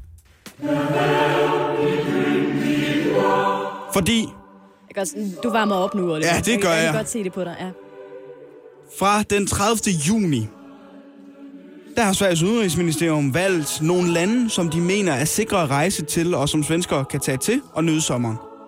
Det gælder 10 lande, og det er henholdsvis Grækenland, Kroatien, Spanien, Italien, Portugal, Slovenien, Frankrig, Island, Belgien, Schweiz og Luxembourg. Vi fraråder rejser til vores nabolande, også for de, der bor i grænseområden, sagde han. Linde, det betyder altså, at du må ikke rejse til Norge eller Finland heller, hvis du er svensker. Har du et bud på, hvad der er fælles for de 10 lande, som Sverige gerne, eller som svenskerne godt må rejse til? Altså, det er jo øh, populære øh, turistdestinationer i sommerferien. Altså, det er jo normalt, man tager til Portugal eller Grækenland, mm. eller Spanien, mm. eller Italien. Mm. Så jeg kan ikke lige komme i tanke om andet end det. Nej. De 10 lande, de har ikke svenskerne på listen over de lande, som er uvelkomne i deres eget land. Nå, okay, okay, okay. Så det her, det er en, vi må gerne komme ind hos jer. I må gerne komme på besøg hos os. Ja. Det er sådan en, det er sådan bytte-bytte købmand. Det her, det er lidt ligesom øh, at finde nogle nye venner i skolegården, fordi de blev holdt udenfor i mandags, da vi spillede en fed fodboldkamp sammen med Norge. Ja. Vi, vi gider ikke komme til jeres fødselsdag, når I har aldrig været inviteret. Nej, nemlig. Hun beder selv om, at der ikke skal være landskampstemning, Anne Linde. Hun beder sig om, at der skal være landskampstemning. Lige præcis nu beder hun selv om, at der skal være en landskampstemning om, hvem der vinder og hvem der taber her. Men det er jo også, altså... Øh, jeg, jeg synes egentlig, det er fair nok. De er, de er sgu lidt sure i Sverige, ikke? Men det der med at, øh, altså, ikke fraråde rejser til Italien og Spanien. Altså, jeg tænker, det er bare de lande, der har været aller, aller hårdest ramt. De mener åbenbart bare, at som svensker, så må det være mere sikkert at tage til Italien og Spanien her i Europa, end det er at tage til Danmark. Og det er fandme... Hey, prøv at høre, det er ikke fordi, jeg kommer til at savne dem. Det skal der ikke være noget med det. Det er også meget surt, Oliver. Men øh, svenskerne må ikke rejse til Danmark, men Italien virker simpelthen sikkert nok. Og jeg tror, det her det bunder sig i noget bitterhed. Og det kan godt være, at vi selv har været med til at puste til den her bitterhed. Mm. Fordi hvis bare der var noget, der ligesom kunne udtrykke, hvor meget svenskerne egentlig havde den her lyst til at komme til Danmark. Det er torsdag. Der er en ny film i biografen. Og Anne, hvad er det for en film i dag? Og hvem har lavet den? Jeg tror, det er bedst, du siger det. Vi skal have anmeldt den biograffilm, der hedder The Kindness of Strangers af den danske instruktør Lone Scherfi. Flot. Ja, tak skal du have. og øh, det kan vi jo ikke gøre alene, fordi vi ved ikke en skid om film, også to, øh, Oliver. Nej. Derfor har vi fået øh, dejligt, behageligt besøg i studiet. Martin Blikker, godmorgen. Godmorgen. Nyhedsvært her på kanalen og filmanmelder. Ja. Jeg kender ikke nogen, der ser så mange film som dig. Det skulle lige være Lasse Remmer. Men du, Ja. du ser dem i professionelt øje med, og det er dejligt, du kommer ind torsdag efter torsdag for at gøre os det klogere på, hvilke film, der er værd at se i biografen. Lige præcis. Og lad os lige øh, begynde med handlingen. Altså, vi skal have anmeldt øh, The Kindness of Strangers, som beskrives som en, øh, drama. Altså en god klassisk drama. Hvad handler den om? Ja, det er det, man kalder et ensemble-drama, kan man godt beskrive det som. Det vil sige, at vi har mange karakterer, der ligesom bidrager til historiens handling, øh, og så bliver deres historie så langsomt sammenflettet sådan hen mod filmens slutning. Men uh, helt konkret, den overskyggende historie i den film her, den handler om en karakter, der hedder Clara, som vælger at stikke af fra hus og hjem og sin voldelige mand sammen med deres to børn. Den her voldelige mand bliver forresten spillet af danske Esben Smed, kan da lige tilføje. Nå. Men hun vælger simpelthen at stikke af fra den her voldelige mand ind til New York, øh, fordi der tænker hun, at der kan hendes mand ikke finde hende. Han er forresten politimand, så hun er meget bange for at gå hen de steder, der vil være logisk at gå hen, når man nu har to børn, man er på flugt, og det er vinter i New York. Øh, så derfor så vælger hun blandt andet at søge tilflugt under et bord på en øh, tidligere glamourøs øh, russisk restaurant. Mm-hmm. Og det er så den her restaurant, der ligesom udgør centrum for, at vi også møder de andre karakterer i filmen. Og så langsomt så begynder den her voldelige mand jo så ligesom at finde ind, og ja, hvor de gemmer sig og så videre. Under et bord på en russisk restaurant. Det lyder specielt. Vi har en lille øh, klip fra traileren her. A couple of months ago, there was a woman in the restaurant. I'm just a housewife. One day I came home and my husband was beating up my boy. Are we homeless? We're no more homeless than anyone else here. You guys don't have anywhere else to go, do you? Open your eyes. Don't give up, Mom. You can stay out mine, please. Åh, Martin Blikker. Jeg bliver da helt ramt i hjertet her. Hvordan lykkes den her film? Øh, sådan helt kort ikke særlig godt i min optik. Nå. Men det er simpelthen fordi, at når man har med de her ensemble-dramaer at, køre, eller at gøre, så har vi en masse karakterer, og dem vil vi jo gerne have noget indsigt i. Vi vil gerne vide, de har selvfølgelig en konflikt, noget der driver dem, men selvfølgelig så har de også noget baggrund, noget der gør, at de er, som de er. Og det vil man jo gerne have et indblik i, men det får man bare ikke i den film her. Det gør sig næsten gældende for alle karaktererne i filmen, og det gør også, at de her karakterer bliver umådeligt uinteressante ganske hurtigt, og i sidste ende, så vil du rent faktisk kunne klippe mange af dem ud, uden at det vil gøre noget som helst for historien. Og det er jo lidt skidt, Er i det, min optik i hvert fald. er det på grund af, at det er dårligt skrevet, eller er det dårligt skuespil? Jamen, det handler jo om strukturen. Det handler jo om, hvad man ligesom har vurderet, der var det vigtigste for den her de individuelle karakterer ligesom at, at drives af. Og mange gange, for eksempel, nu har hun, Lone Scherfik her, hun har lavet en film, der hedder Italiensk for Begyndere, som også var et ensemble-drama. Og der bliver vi jo øh, flere omgange ligesom introduceret til de her karakterers baggrund. Det behøver ikke at være direkte, men det kan være igennem en fortælling eller en historie. For eksempel så er der en, der har en mor, der er, en alko- der er alkoholiker. Mm. Og det gør, at de her to søskende par, eller det her søskende par, har en tendens til at agere på forskellige måder, når de bliver sat i visse situationer. Det gør det interessant, det gør, at vi har en forståelse for noget, vi kan relatere til, hvorfor de er, som de er. Det får vi ikke i den film her overhovedet. Øh, For eksempel kunne det være interessant at vide, hvorfor en mand som øh, ham her, den voldelige mand, der slår både sine børn og sin kone, han er politimand, han er lov og orden, men han kan ikke finde ud af at få det til at fungere derhjemme. Hvad er det, der driver ham? Hvorfor er det, at det er sket for ham? Mm. Det er jo interessant i sig selv. Allerede mm. der har man en, en film, der kunne stå på egen ben. Og dem er der masser af. Der er en masse spændende baggrundshistorier, der ligger på lur, men de bliver aldrig udforsket, og det er virkelig en skam. Hvem skal øh, gå ind og se den her film? Jamen altså, hvis man godt kan lide en god feel-good-film, hvor der ikke, øh, altså, som bare øh, har nogle romantiske øjeblikke, og der er også et par grin, og der er også lidt drama, øh, men som ikke har videre med at byde på. Der er ikke rigtig noget underliggende. Du kan ikke tage noget med derfra, synes jeg i hvert fald ikke. Jeg gik ikke fra filmen og tænkte, åh ja, det her det gav mening, og der var noget, jeg ligesom kunne sætte op og hæfte op på samfundsbilledet osv. Så, videre. så hvis man bare, bare gerne vil have en meget overfladisk film, som ikke øh, kommer ret øh, dybt ind under huden, jamen så, er- så er det sådan en film, man skal gå ind og se. Jeg kan mærke, hvor vi er på vej hen, Martin Blikker. Hvor mange stjerner skal den her have fra, fra 1 til 6? Lone Scherfis film The Kindness of Strangers. Ja, det er jo også her, det er sådan lidt ubarmhjertigt, det her med at være kritiker. Det er jo heller ikke, fordi jeg bare skal stå og være mega led og pege fingre. Det er bare nogle gange lidt svært, når man bliver frustreret gentagende gange igennem en film. Fordi jeg synes, den her film, og det her det kan godt lyde hårdt, men jeg synes cirka, den er lige så dyb som en vandpyt på en betonflis. Men jeg har valgt at give den to ud af seks stjerner. Jeg kunne godt lide det billede. Af seks stjerner. Okay. Wow, okay. Det er, jeg tror, det er en af de, øh, de hårdeste anmeldelser, du har givet i den tid, du har været herinde. Ja, Du plejer at være så begejstret, Martin. Ja. jeg plejer at være venlig. Men det er, det er jo en to ud af seks stjerner. Du kan selv tage ind og bedømme, hvad du synes, Lone Scherfis film The Kindness of Strangers skal. Den er i øh, biograferne nu. Ja. God fornøjelse, hvis du skal ind og se den. Og så sige til Martin Blikker bagefter. Du har overhovedet ikke ret. Jeg synes, den var virkelig, virkelig god. Tak for besøget, Martin. Det er meget sæt. Hjælp en, du holder af med at tage det første skridt til bedre hørelse. Få et gratis og uforpligtende hørebesøg af Audionovas mobile hørecenter. Så klarer vi det hele ved første besøg, tryk dig nemt i eget hjem. Bestil et gratis hørebesøg på audionova.dk eller ring 70 60 66 66. Som det er lige nu, er det kun ægtefæller og kærester fra EU eller Storbritannien, som er kommet til Danmark.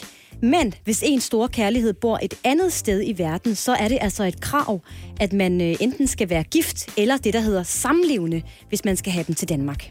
Det betyder, at du, Asger Spanner Olsen, godmorgen, Godmorgen. ikke må få din forlovede kæreste fra Brasilien til Bornholm, hvor du bor. Men vil du ikke lige med dine egne ord sætte lidt ord på den situation, du og din øh, forlovede altså står i?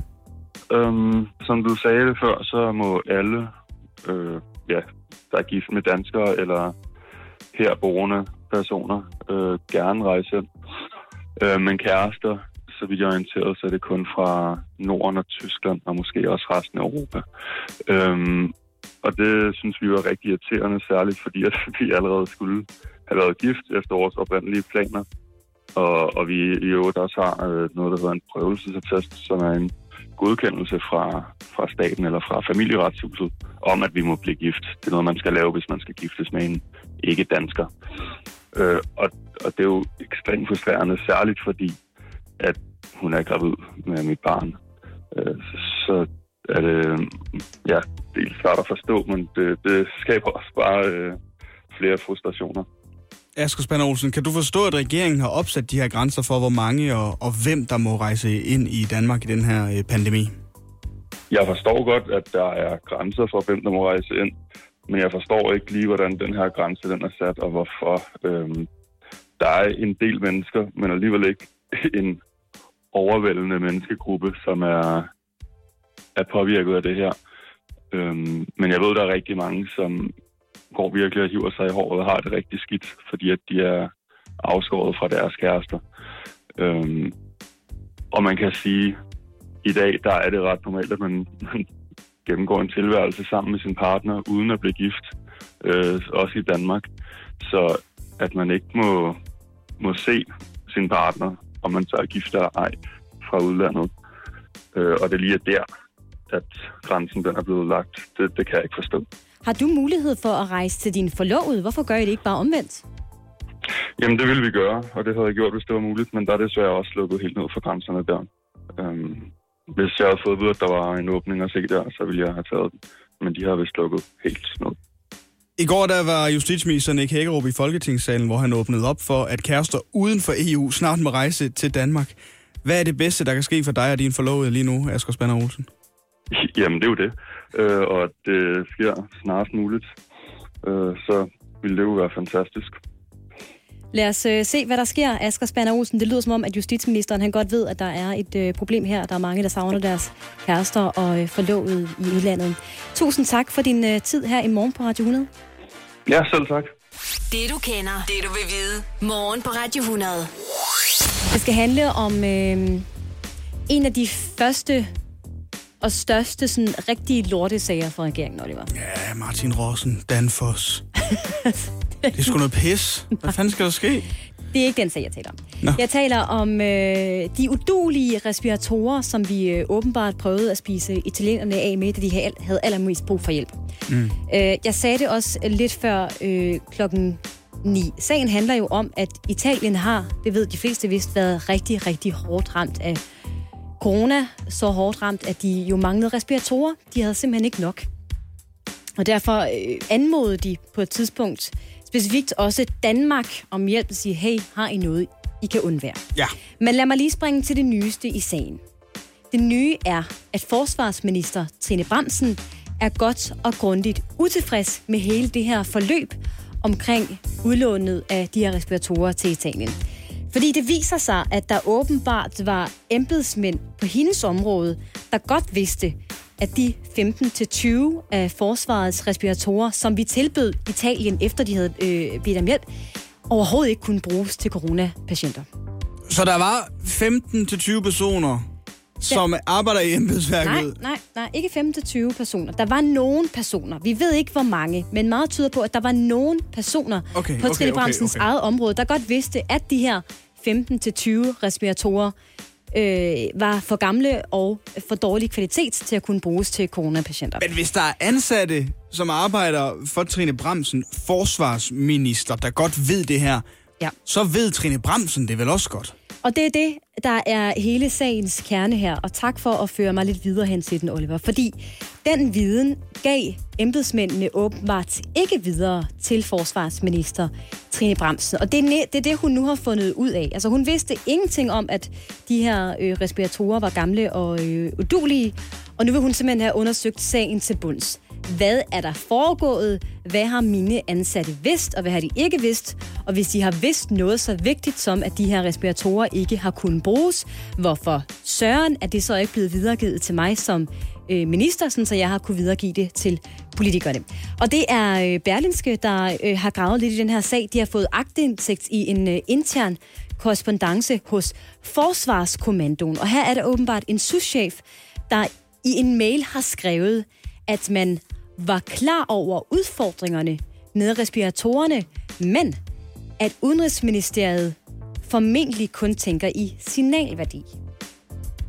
Nå, signalværdien i at sende 15-20 Sende respiratorer respiratorer til til Italien Italien. for at hjælpe. Lige præcis. altså, øh, og det begynder måske at blive en lille smule spøjst, Okay. ikke? Ja, så øh, forsvarsminister Trine Bramsen forstår altså ikke, at den her viden ikke er blevet øh, bragt videre til hende og til politikerne i det hele taget, og det vil hun nu have undersøgt til bunds. Og det forstår jeg godt, fordi der er simpelthen virkelig meget i den her sag, der virker lidt underligt. Og hvad der måske er gået manges, høhø, apropos næse forbi, er, at vores udenrigsminister, Jeppe Kofod, faktisk har fået en næse for håndteringen af hele den her sag, fordi der har været noget i den, der ikke er gået ordentligt til. Men lad mig lige oprise i en lille form for tidslinje, hvad det nu er, der er sket, fordi det er lidt svært at holde overblikket. Det, er- der sker jo det, vi ved godt, at Italien er meget, meget hårdt ramt af corona, også hårdere ramt, end vi er i Danmark. Første land i Europa. Ja, og der er flere af Folketingets partier, der ligesom begynder at spørge regeringen, hvad, skulle vi ikke hjælpe? Altså har vi ikke, altså det er slet ikke så slemt i Danmark, som vi havde frygtet. Kan vi ikke på en eller anden måde hjælpe? Var det ikke også, så vidt jeg husker, Italien, der på et tidspunkt også selv bad om hjælp og sagde, vi har brug for hjælp? Det kom nemlig, fordi først var det nogle af Folketingets partier, der opfordrede os til at hjælpe på egen hånd, også efter en anmodning fra EU, der ligesom sagde, prøv at høre, det står helt galt til i Italien. Er der nogen af jer, der kan hjælpe, så gør det. Ja. Vi snakkede også om det her i morgen på Radio Ja, lige 100. præcis. øh, om, det, om det var det rigtige at gøre, eller om det ikke var det rigtige at gøre. Jeppe Kofod afviser øh, partiernes opfordring om at hjælpe Italien. Han siger, nej, fordi det skal vi ikke risikere. Hvad nu, hvis vi selv får brug for de her respiratorer? Men samme dag, som han afviser, så skriver Italien direkte til Danmark og beder om hjælp i et brev rettet til netop udenrigsminister Jeppe Kofod. Altså en direkte henvendelse.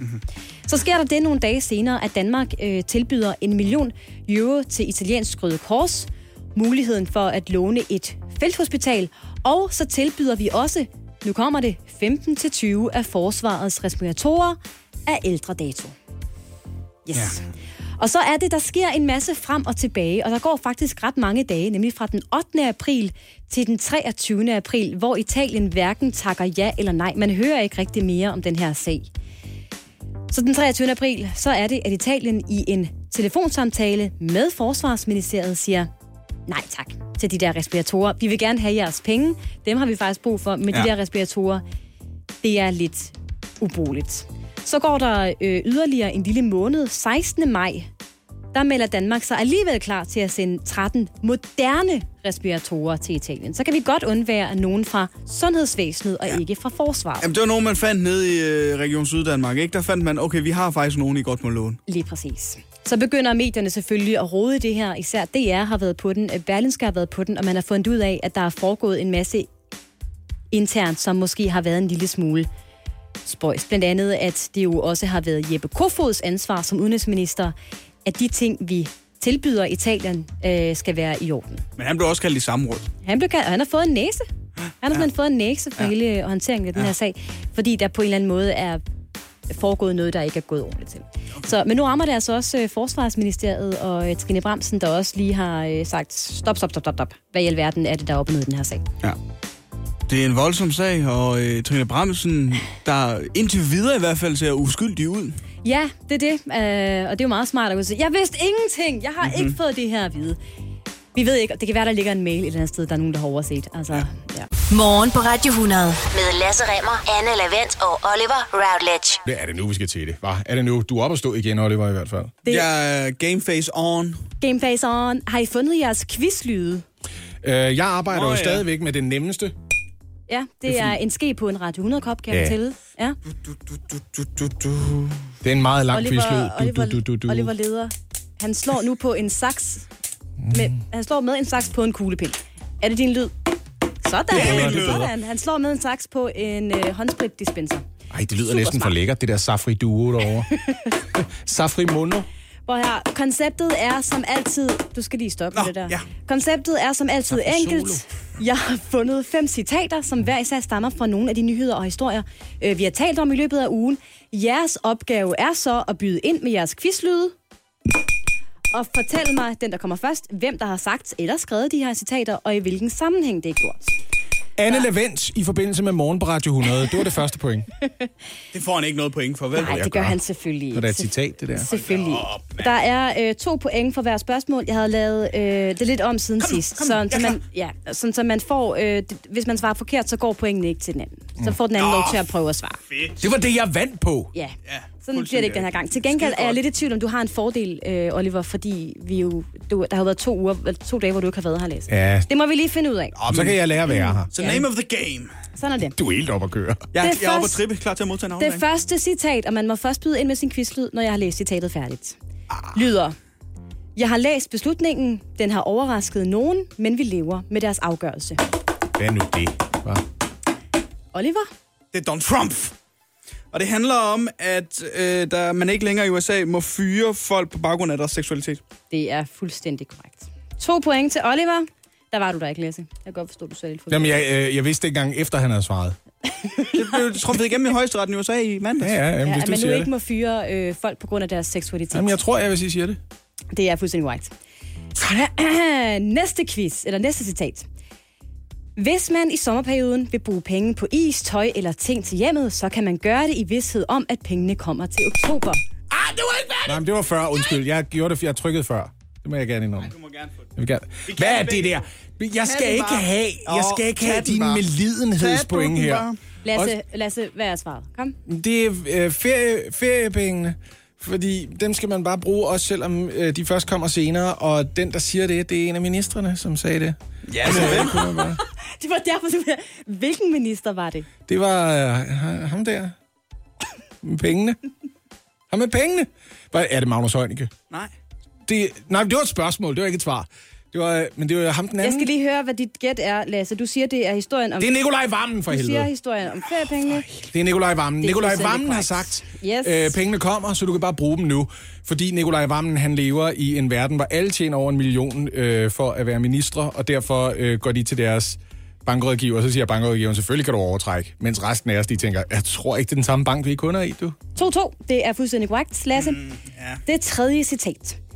I flere regioner har vi samarbejdet siden 1950'erne. Pludselig opstår der rivalisering og hårde følelser mellem folk, der ikke har haft nogen grænse tidligere. Oliver? Jeg tror, det er Anne Linde, Sveriges udenrigsminister, øh, med henblik på, at, øh, at øh, hun mener, det skader fællesskabet, det her med, at øh, det nordiske samarbejde med hensyn til grænseåbningen i mandags. Ja, det tror jeg er et bedre bud end mit, for det havde været noget med, øh, jeg ved ikke, om I kan huske, at jeg snakkede om grænsestridighederne mellem Kina og Indien, og de er virkelig kommet op på toppen, der er mange, der er døde nu. Men Jamen, det er jeg ikke tror, nogen, det er. Anne Linde med hensyn til grænseåbningerne ja. i mandags. det tror jeg To også. point til Oliver. Yes. Yes, yes, yes. Den er fuldstændig korrekt. Den næste er lidt svær. Aldrig har jeg lavet tv i så smukke omgivelser, som Dybbel Banke kunne opvise i aften. Det er, Ja, det lyder så meget som noget, Mette Frederiksen vil sige i forbindelse med genforeningen, de 100 år for det er i 100% genforeningen, men er det med Frederik? Altså, fordi, vil hun sige, jeg har, jeg har lavet tv? Nej, er det ikke mere sådan noget Clemen Kjærsgaard eller et eller andet agtigt? Hvem har stået derovre og snakket om det? I får øh, tre muligheder. Er det øh, statsminister Mette Frederiksen, nyhedsvært Kåre Kvist eller dronning Margrethe? Det kunne eddermame også godt være noget, Kåre Kvist har sagt. Jeg kunne holder fast det? i Mette Frederiksen. Jeg siger Kåre Kvist. Så der er et point til hver, fordi det er nemlig om genforeningen, men det er faktisk Kåre Kvist, der har skrevet det på Jeg Facebook. tænker nemlig, at politikere, de ville ikke sige, at du ved, lave tv. De vil sige, tal til folket, for eksempel. Vil ikke Yes. det? Oliver, du fører stadigvæk. What? Ja. ja. Okay. Øh, sidste citat. Jeg kan da regne ud, den skal jeg have, hvis jeg skal... På det seneste har du måttet lægge øre til meget, men I derude skal bare vide, at Martin har kæmpet for jer. Hvad er det? Mette Frederiksen i sin øh, afskedsbrev til Martin Rossen. Ja, selvfølgelig. Det er fuldstændig korrekt. Oliver, to point. Og vinder af ugens citat, Ja, quiz. tillykke. Ja, Sådan, ja. sådan. Ej, gid ham, der sad og trykkede på knapperne, han havde fundet en fanfare frem. Men nej, den, jeg Ej, kan det ikke har finde han den. så. Jeg kan ikke Ej, finde hvor den, ærgerligt. desværre. Ja. Jeg har let og let, men den er blevet væk simpelthen. Det er simpelthen en solid sejr, Ej, Oliver Routledge. er det også vildt, at Mette Frederiksen skriver et afskedsbrev til Mette Ro- med Martin Rossen, der ligesom siger, ej, hvor har det været hårdt at være dig. Det har været så træls for dig. kæft? Mette Rossen havde været meget bedre. Ja, ej, men det har også været bare. De lavede både en ballon og alt muligt af dig. Ja, det har været hårdt for ham, det har været så. Dig, der bestemmer mere end stort set nogen andre i Danmark. Ej. Men nu er det jo hans drengedrøm, der går i opfyldelse hos Danfoss. Men det kan jeg da godt forstå. Det Jeg kan komme ned til Danfoss Universe og tage en Segway på arbejde. Ja. Hvis det er det, Snakker han har lyst til. Er det ikke det, de er kendt for? Ja, og sørge for, at temperaturen altid er helt perfekt, ikke også? Rigtig guldlok job. Her er Jonas Ej, det Brothers. føles godt, det. Klokken er blevet 14 minutter over 8. Det er glemt allerede. Vi ser fremad i det her Også program, fordi du Oliver. allerede havde sagt, det var det, du kunne finde ud af. Vi Det ser fremad og ikke du tilbage. til. Og så taber du. Jeg laver en quiz igen af min ugelæse. Ja, vi nulstiller. Den står 0-0 imellem os nu, ikke? Appen Smittestop blev øh, lanceret i går, og den skal hjælpe os med at opspore og stoppe smittekæder på den måde, at dem, der har været i nærheden af en coronasmittet, kan få det at vide via appen, og på den måde selv blive testet. Det er jo sådan set et prisværdigt formål, men samtidig har den her app gennem hele udviklingsforløbet været genstand for kritik for både at kunne indsamle og lære personfølsomme oplysninger og data. Ja. Godmorgen til dig, Johan Busse. Godmorgen. Du er formand for det, der hedder Dataetisk Råd, som altså er et råd, der øh, rådgiver regeringen i spørgsmål om digitale løsninger, data og kunstig intelligens. Og først og fremmest, kan du forstå, at der har været bekymring for den her app, der jo kan se, hvem vi har været i nærheden af? Ja, det kan jeg bestemt godt. Der er jo grund til at, det ved vi, af, af historiske årsager, der er grund til at være bekymret over mange af de ting, vi, øh, vi bliver tilbudt sådan digitalt. Øh, så der er, der er anledning til at være på vagt. Vi hører om øh, private firmaer, der høster vores data, og det offentlige har jo også nogle, øh, nogle dårlige øh, historier at skulle, at skulle øh, viske ud øh, i forhold til, hvordan de håndterer borgernes data. Så øh, det forstår jeg bestemt godt. Nu har den her Smittestop-app jo været undervejs i et par måneder. Hvad har ændret sig fra de første udkast og- til det færdige resultat, Johan Busse? Altså det har ændret sig helt fundamentalt. Øh, i, I de første overvejelser, man havde om appen her, der var der et, et, et mere spredt formål. Øh, hvad var det, man ville med appen? Nu har man, øh, nu har man fokuseret den på, på, på det her med at få stoppet smittekæderne. Der har også været noget med den, øh, den bagvedliggende teknologi, øh, man, man, øh, man, man øh, ville anvende i starten, øh, som blandt andet indebar, at man ville gemme oplysningerne på en øh, central server, øh, og det giver altid risiko, risiko for, at, øh, øh, at, at øh, der sker misbrug, eller øh, opløsningen bliver stjålet, eller så videre. Så, så med den løsning, man har, man har valgt nu, øh, er det i hvert fald, som, som vi har fået det præsenteret, øh, ikke muligt at tilgå de her oplysninger for, for offentlige myndigheder. Johan Busse, for sådan en helt almindelig lægeperson som mig, når jeg kigger på, hvad jeg allerede afleverer personlige oplysninger til Google og til Facebook osv., er det her løb ikke kørt? Er det ikke noget, som vi ligesom allerede alle sammen har meldt os ind i? Jo, det, øh, det, er, jo, det, er, jo, det, er, jo, det er jo en nærliggende øh, dystopisk øh, konklusion på det. Øh, det mener jeg ikke, vi skal give op over for. Jeg er helt enig. Øh, jeg har givetvis også selv øh, afleverer alle mulige data, uden jeg overhovedet har opdaget det, øh, fordi der er nogen, der øh, kan kapitalisere på dem. Men, øh, men jeg mener, at vi er nødt til, øh, om så det bliver små skridt ad gangen, øh, at komme det her til liv, sådan så vi øh, selv som borgere og forbrugere styrer vores, øh, vores data. Og hvis ikke det offentlige skal gå forrest i, øh, i, i, i den øvelse, så ved jeg ikke, hvem der skal. Nu er du jo formand for Dataetisk Råd, og set med jeres øjne, kan vi som øh, ganske almindelige lægepersoner, som Lasse siger, være trygge ved at downloade og bruge den her app? Ja, jeg er i hvert fald øh, selv tryg ved den og har downloadet den og taget i brug. Øh, og øh, øh jeg vil ikke være nervøs for at bruge den her øh, app, som den, den, den, den foreligger nu. Altså Dataetisk Råd går ikke ind og anbefaler eller underkender bestemte øh, øh, de tekniske løsninger, men vi har været involveret i, øh, i udviklingen af den, og, og man har lyttet til, øh, til vores anbefalinger, og de er, så vidt jeg kan se, blevet fuldt. Øh, så så øh, jeg, er, jeg, jeg, jeg er tryg ved det. Vi skal også huske, det er offentlige myndigheder, vi med at gøre. De handler trods alt i en vis form for øh, demokratisk og juridisk kontrol, så øh, vi, vi må stole på myndighederne her, og det gør jeg. Appen hedder altså Smittestop og kan hentes der, hvor du henter dine apps. Johan Busse, formand for Dataetisk Råd. Tak for din tid her til morgen. Selv tak. Ja, hvis jeg ikke har en fanbase, der værdsætter, hvad det er, jeg tilbyder, så må jeg da hellere lade være. Ha? Prøv at høre, øh, det er fredag, klokken wow. er 9 Stemningen er dårlig. Jamen det er, ja, men prøv at høre, den burde være god, fordi øh, nu er der...